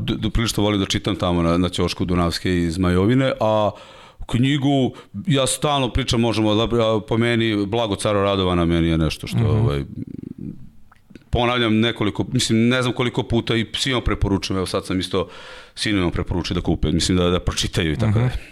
E, odbora utakme za treće mesto, kako pamti što smo već odgovorili. Edvin Kalderara te pozdravlja, pozdrav Edvinu. Pozdrav, Edi. Pomoćno treneru Breše, kaže, koje mu je najdrže gruzijsko vino? Au, pa to sada imamo tu ovaj puno da se ovaj da, da, da, da pričamo, ne bi mogu da, da, da, da odgovorim jer ima nekoliko ne- nekoliko dezertna, poluslatka, suva, tako da stvarno ovaj kako se zove, ali ćemo obećam da ćemo doneti od svakog po jedno pa da ovaj da da ovaj old kaheti recimo i tako, ali ajde sada da. Ok, dobro, čuo si Edvine. E, Gobčević 08 pita mišljenje o Crepulji i da li je mogao da igra za bolju reprezentaciju? Mogao je da igra za bolju reprezentaciju. Govorim ovo što ja gleda, sam gledao kao neko ko je bio ili trener protivničke ekipe ili gleda ovako utakmice. Znači nisam radio sa njim pa ne mogu da dam potpuni sud.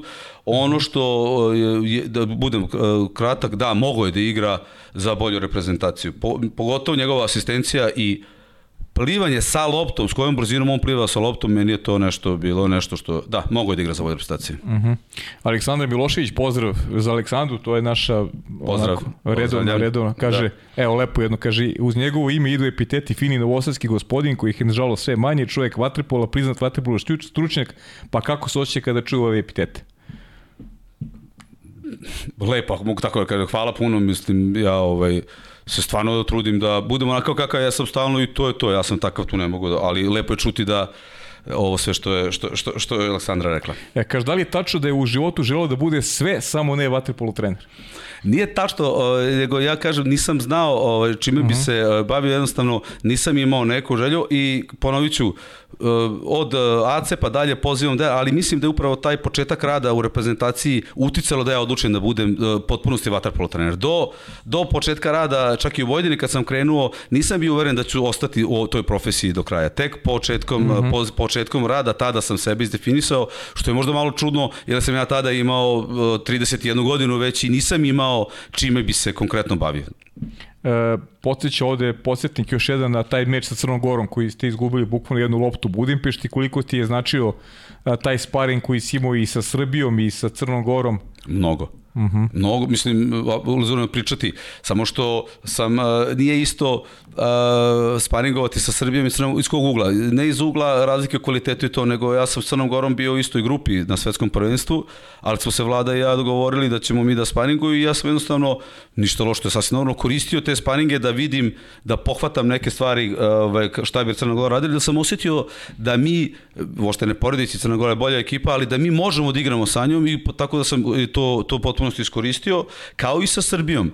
I jel ja kad igram sparing, bar ja tako gledam, ja ne idem da dobijem sparing, naravno treba dobiti, nego pokušavam da moju ekipu proučem kroz razne elemente igre, da šta mi možemo da, da odigramo i spariramo tako u vrskim ekipama. Da li samo pressing, da li samo zona, igrač manje ovakav, onakav, igrač više ovakav, čisto da, da ja vidim da mi izvučemo maksimum, maksimum iz te, iz te igre i tako prilazimo svakom sparingu i ovaj i na kraju to mi se pokazalo najviše e, najviše. Pokazalo mi se uspešno tako bilo i sa Grčkom sad pred pred Split da ti Španjezi nisu bili rezultatski dobri po nas uopšte ali sam ja tražio od mojih igrača neke elemente u igri što bi trebao da primenim sa Slovačkom i sa i sa Holandijom a Grci su bolja ekipa od njih, pa ako mi tu možemo da ispariramo ono što je meni bitno, da ćemo tada biti e, uspešniji i tako sam prilazio i sa Srbijom i sa Crnom Gorom, a nesumljivo je da nama svaki sparing sa takvim ekipama uh mhm. -huh. fantastično.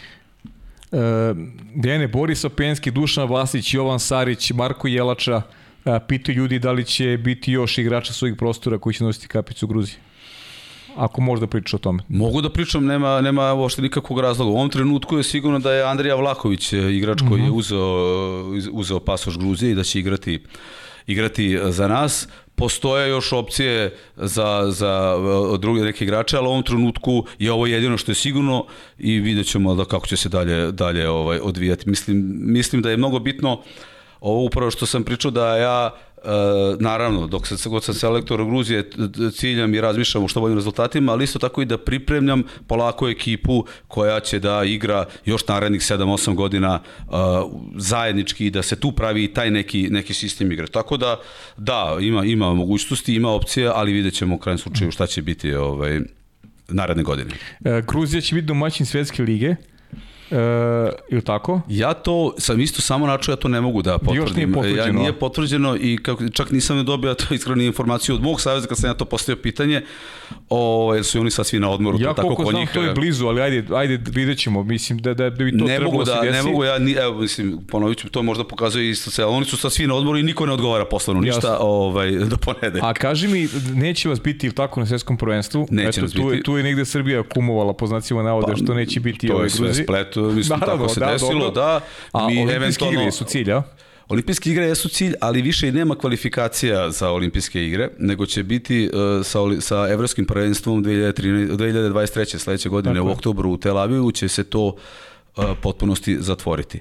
U ovom trenutku uh, postoji dva slobodna mesta za olimpijski, ono što još dve ekipe nisu, ima dva slobodna mesta i u te dve ekipe spada, u, te, u ta dva mesta se bore Mađarska, Crna Gora, i sad Gruzija, Holandija, sve druge, sve druge reprezentacije koje, koje su iza nas, nazovi tako, ajte. Uh -huh, uh -huh. Tako da šansa da postoji, je realna, ali opet Mađarska i Crna Gora su sigurno ekipe koje su od svih drugih kvalitetnije. Pokušam da izvojim još neke pitanja, a, ajde da, da ne budem baš na svima da te Da li je dalje pretvrnje da drugi igraju vaterpolo zato što ga vole, a Srbi što znaju i žele da pobede? Pa ja sam malo pre rekao to, mi svi vole vaterpolo, i Kazahstan da. i, i Rumuni, ali pre svega nešto vole, vole i oni da pobede, ko ne voli da pobedi, pre svega znaju, to je ono razlika i e, jednostavno sistem i, i, i obuka, obučenost tehnička igrača, individualno taktička je nešto što pravi, što pravi razliku. Evo sad i za kraj evo neka Aleksandrina još pitanja koje su ovako interesantne, nisu usko vezane za sport, danas da imaš vremena, je može? Naravno Naravno, naravno. E, šta vas inspiriše, šta motiviše u radu?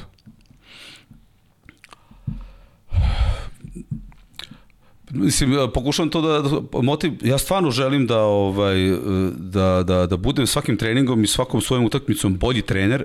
Mhm. Uh -huh i želja da je pre svega samo samo kontrola ili samo analiza ili samo kritika e, svakog treninga pa i svake utakmice gde sam pogrešio šta bi sam trebao bolje koga da, da, da promenim kada da uzmem time out koja taktika ta analiza i želja da to ispravim i to mi je motiv e, da, da iskreno da, da bi bio svakim, svakim danom nazovi tako bolji trener ajde tako mm -hmm. da mhm. kažem to mi je. Šta, je, šta je baš najveseliji dan u privatnom a koji u poslovnom životu Pa poslovno bi sad tu mogli da pričamo od ovih od, od Rima, olimpijade i tako da. dalje, a privatno mislim pre svega da su rođenje moje dece nešto što je ne, neuporedivo. Imaš tako. dva sina, je tako? Imam dva sina i ćerku Mhm. i da je to nešto što je tako ovaj čini čoveka naj naj najsrećnijim. Sinovi su nešto i pokušavali tako u sportu malo, ali Sinovi su pobili nešto malo u waterpolu, stari Aha. Stefan, mlađi Aleksa u košarci, ali nisu se tu do kraja pronašli i sad su otišli u nekim drugim da, ovaj, sferama interesovanjima. Čerkica još mala, Još 10 mala, da. meseci, tako da ćemo da vidimo, jeste. pozdrav, pozdrav za celu porodicu. E, koje je vaše najveće razočaranje ili najteži poraz? Pa rekao sam, naj, najveće razočaranje su mi te dve olimpijske igre, a ne zato što smo uzeli medalju, nego što sam uh, jednostavno Projektovao išao zlato. tamo zlato i meni je to bilo onako, ajde da kažem, da, da kažem razočaranje. A ovaj, najteži poraz, hm, Oli, uh, polufinale olimpijskih igara u Londonu, uh Mhm. -huh. u Londonu protiv Italije. U Italiji, da. Eto, mogu to da, ovaj, da, da, da kažem da mi je to ostalo i 2014. evropsko prvenstvo Grčka Rumunija na 30 sekundi do, do kraja utakmice mi vodimo Ru, uh, Rumunija vodi 8-7 protiv Grčke dobijamo igrača više i imamo pravo da držimo loptu 30 sekundi i dobijaš Grčku i ulaziš među šest, to je isto rezultat nevjerovanta. I moj, eh, moj eh, kapitan, mislim nebitno, rumunski igrač, kako je Kozmin izbacio loptu, šutira odmah, promaši, ode kontra 1 na 0, i Grci izjednače, krećemo sa centra, drugi pas, Grci preseku loptu, odu kontru i mi umjesto da pobedimo izgubimo. E, Tako da je to za mene najšokantnije nešto, je to iskreno. Ovaj, Stvarno šokantno izvuči. Da, eto, to je bilo nešto što... I e, taj de, dečko, čovek koji je šutao je tada imao 37 godina, kapitan ekipe je najiskusniji i uzme šutne i i sve okrene. Eto, to je po mene onako, dosta uticao poraz. Mhm. E, najlepši uspomen iz detinjstva? Počeci mog vaterpola i ti trenizi na otvorenom bazenu u sajmište, da je jednostavno to sve bilo kroz druženje celokupne ekipe i ovaj, ta, ta, taj bazen i samo to druženje, treniranje, ali pre svega ta igra koja je vezana za bazen i dan danas kad prođem pored tog bazena, stanem relativno blizu u Novom Sadu, ovaj, me, me, me, me na to podsjeća. E, kaže, najluđa stvar koju ste uradili u životu privatnom ili profesionalnom svejedno?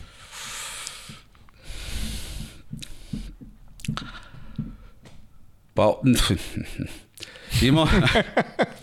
ne, ne, nije Nezgodno, nezgodno. Da, nezgodno je, ali ovaj, kako se zove, ostavio bi to, to za sebe zato što je Dobro. nešto što je Pošteno. onako malo, da. Pošteno. Imate li omiljeni svakodnevni ritual ili ritual pred meča?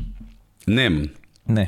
Nemam, uh, ni, ni svakodnevni, ni, ni ritual pred meč nemam, tako da jednostavno ovaj, ne, ne, nema, ne, nemam nikakav. A hobi ili neki drugi sport koji pratiš?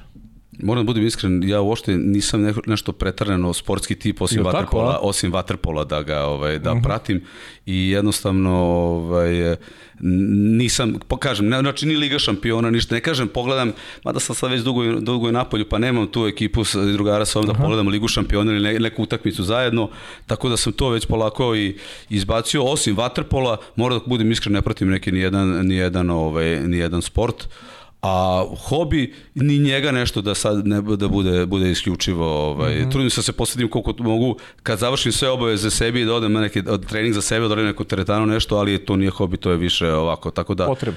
vi, osim vaterpola gde su stvarno da mogu da pogledam bilo koju utakmicu i sad sam pogledao ne sad pre par meseca sam pogledao neke utakmice Vojvodine 2010. godine mislim možeš misliti ali sam našao na na nekom stiku jer ajde da pogledam pa sam to eto pogledao mm -hmm. ali ovaj ne E, Dene, za kraj uvek volim da pitam ovaj, e, da li ima nešto što kroz emisiju nisam pitao, a ti bi volao da kažeš.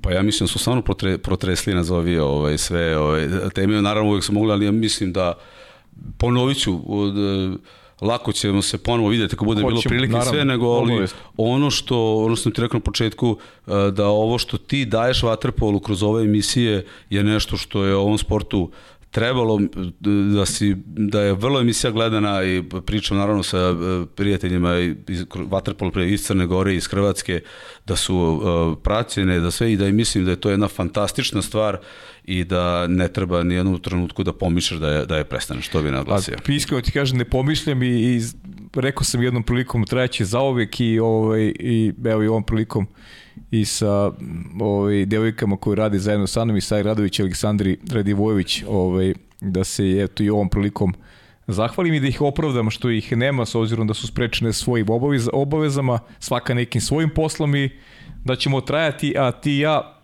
verujemo i malo prijatnijem, lepšem društvu sa njih dve da ćemo se vidjeti prvom sledećem akcijom i želim ti mnogo sreće, želim Gruziji da se plasira na olimpijske igre, znam koliko bi to značilo i Savezu, želim da uslovi budu bolji, da dobijete još koji bazen tamo, a da, verujem da će biti prilike da popijemo zajedno koje vino koje si preporučio da dođemo Evo, ja bih teo da te i pozovem, ovaj, ako mogu, ako si zvanično da, da dođeš do, do Tbilisija, ne samo i tebe, nego sve ljudi koji imaju priliku ali sad konkretno pričam sa tom da dođeš da vidiš, jer vredi videti Gruziju ovaj, generalno, a to je neka destinacija koja redko kome pade na pamet, pričamo turistički da se obiđe, ja. pa kad bude neka naša ekipa igrala, poziv, pozivite da, da se uveriš u to. Hvala puno Dene, potrudit ću se da ispunim, bio sam u Batumi, u Tbilisiju nisam, tako da će mi biti zadovoljstvo. Hvala ti puno na, na ovom gostovanju i ja čekam tebe o, i sigurno ćemo imati prilike ponovo pričati u ovom studiju i mnogo ti hvala što si izdvojio vreme, želim ti srećan put i da hvala bude ova sezona i, bolje nego prethodno. Hvala puno i vrlo rado ću se odazvati pozivu i svako dobro tebi i gledalcima. Hvala puno Dene, eto to je bila 101. epizoda našeg podcasta pod kapicom, uživajte u ovo skoro dva i po sata ćaskanja i, i priče sa dragim gostom Dejanom Stanojević i vas pozdravljam, pratite naše Instagram profile da saznate ko će biti gost naredne nedelje.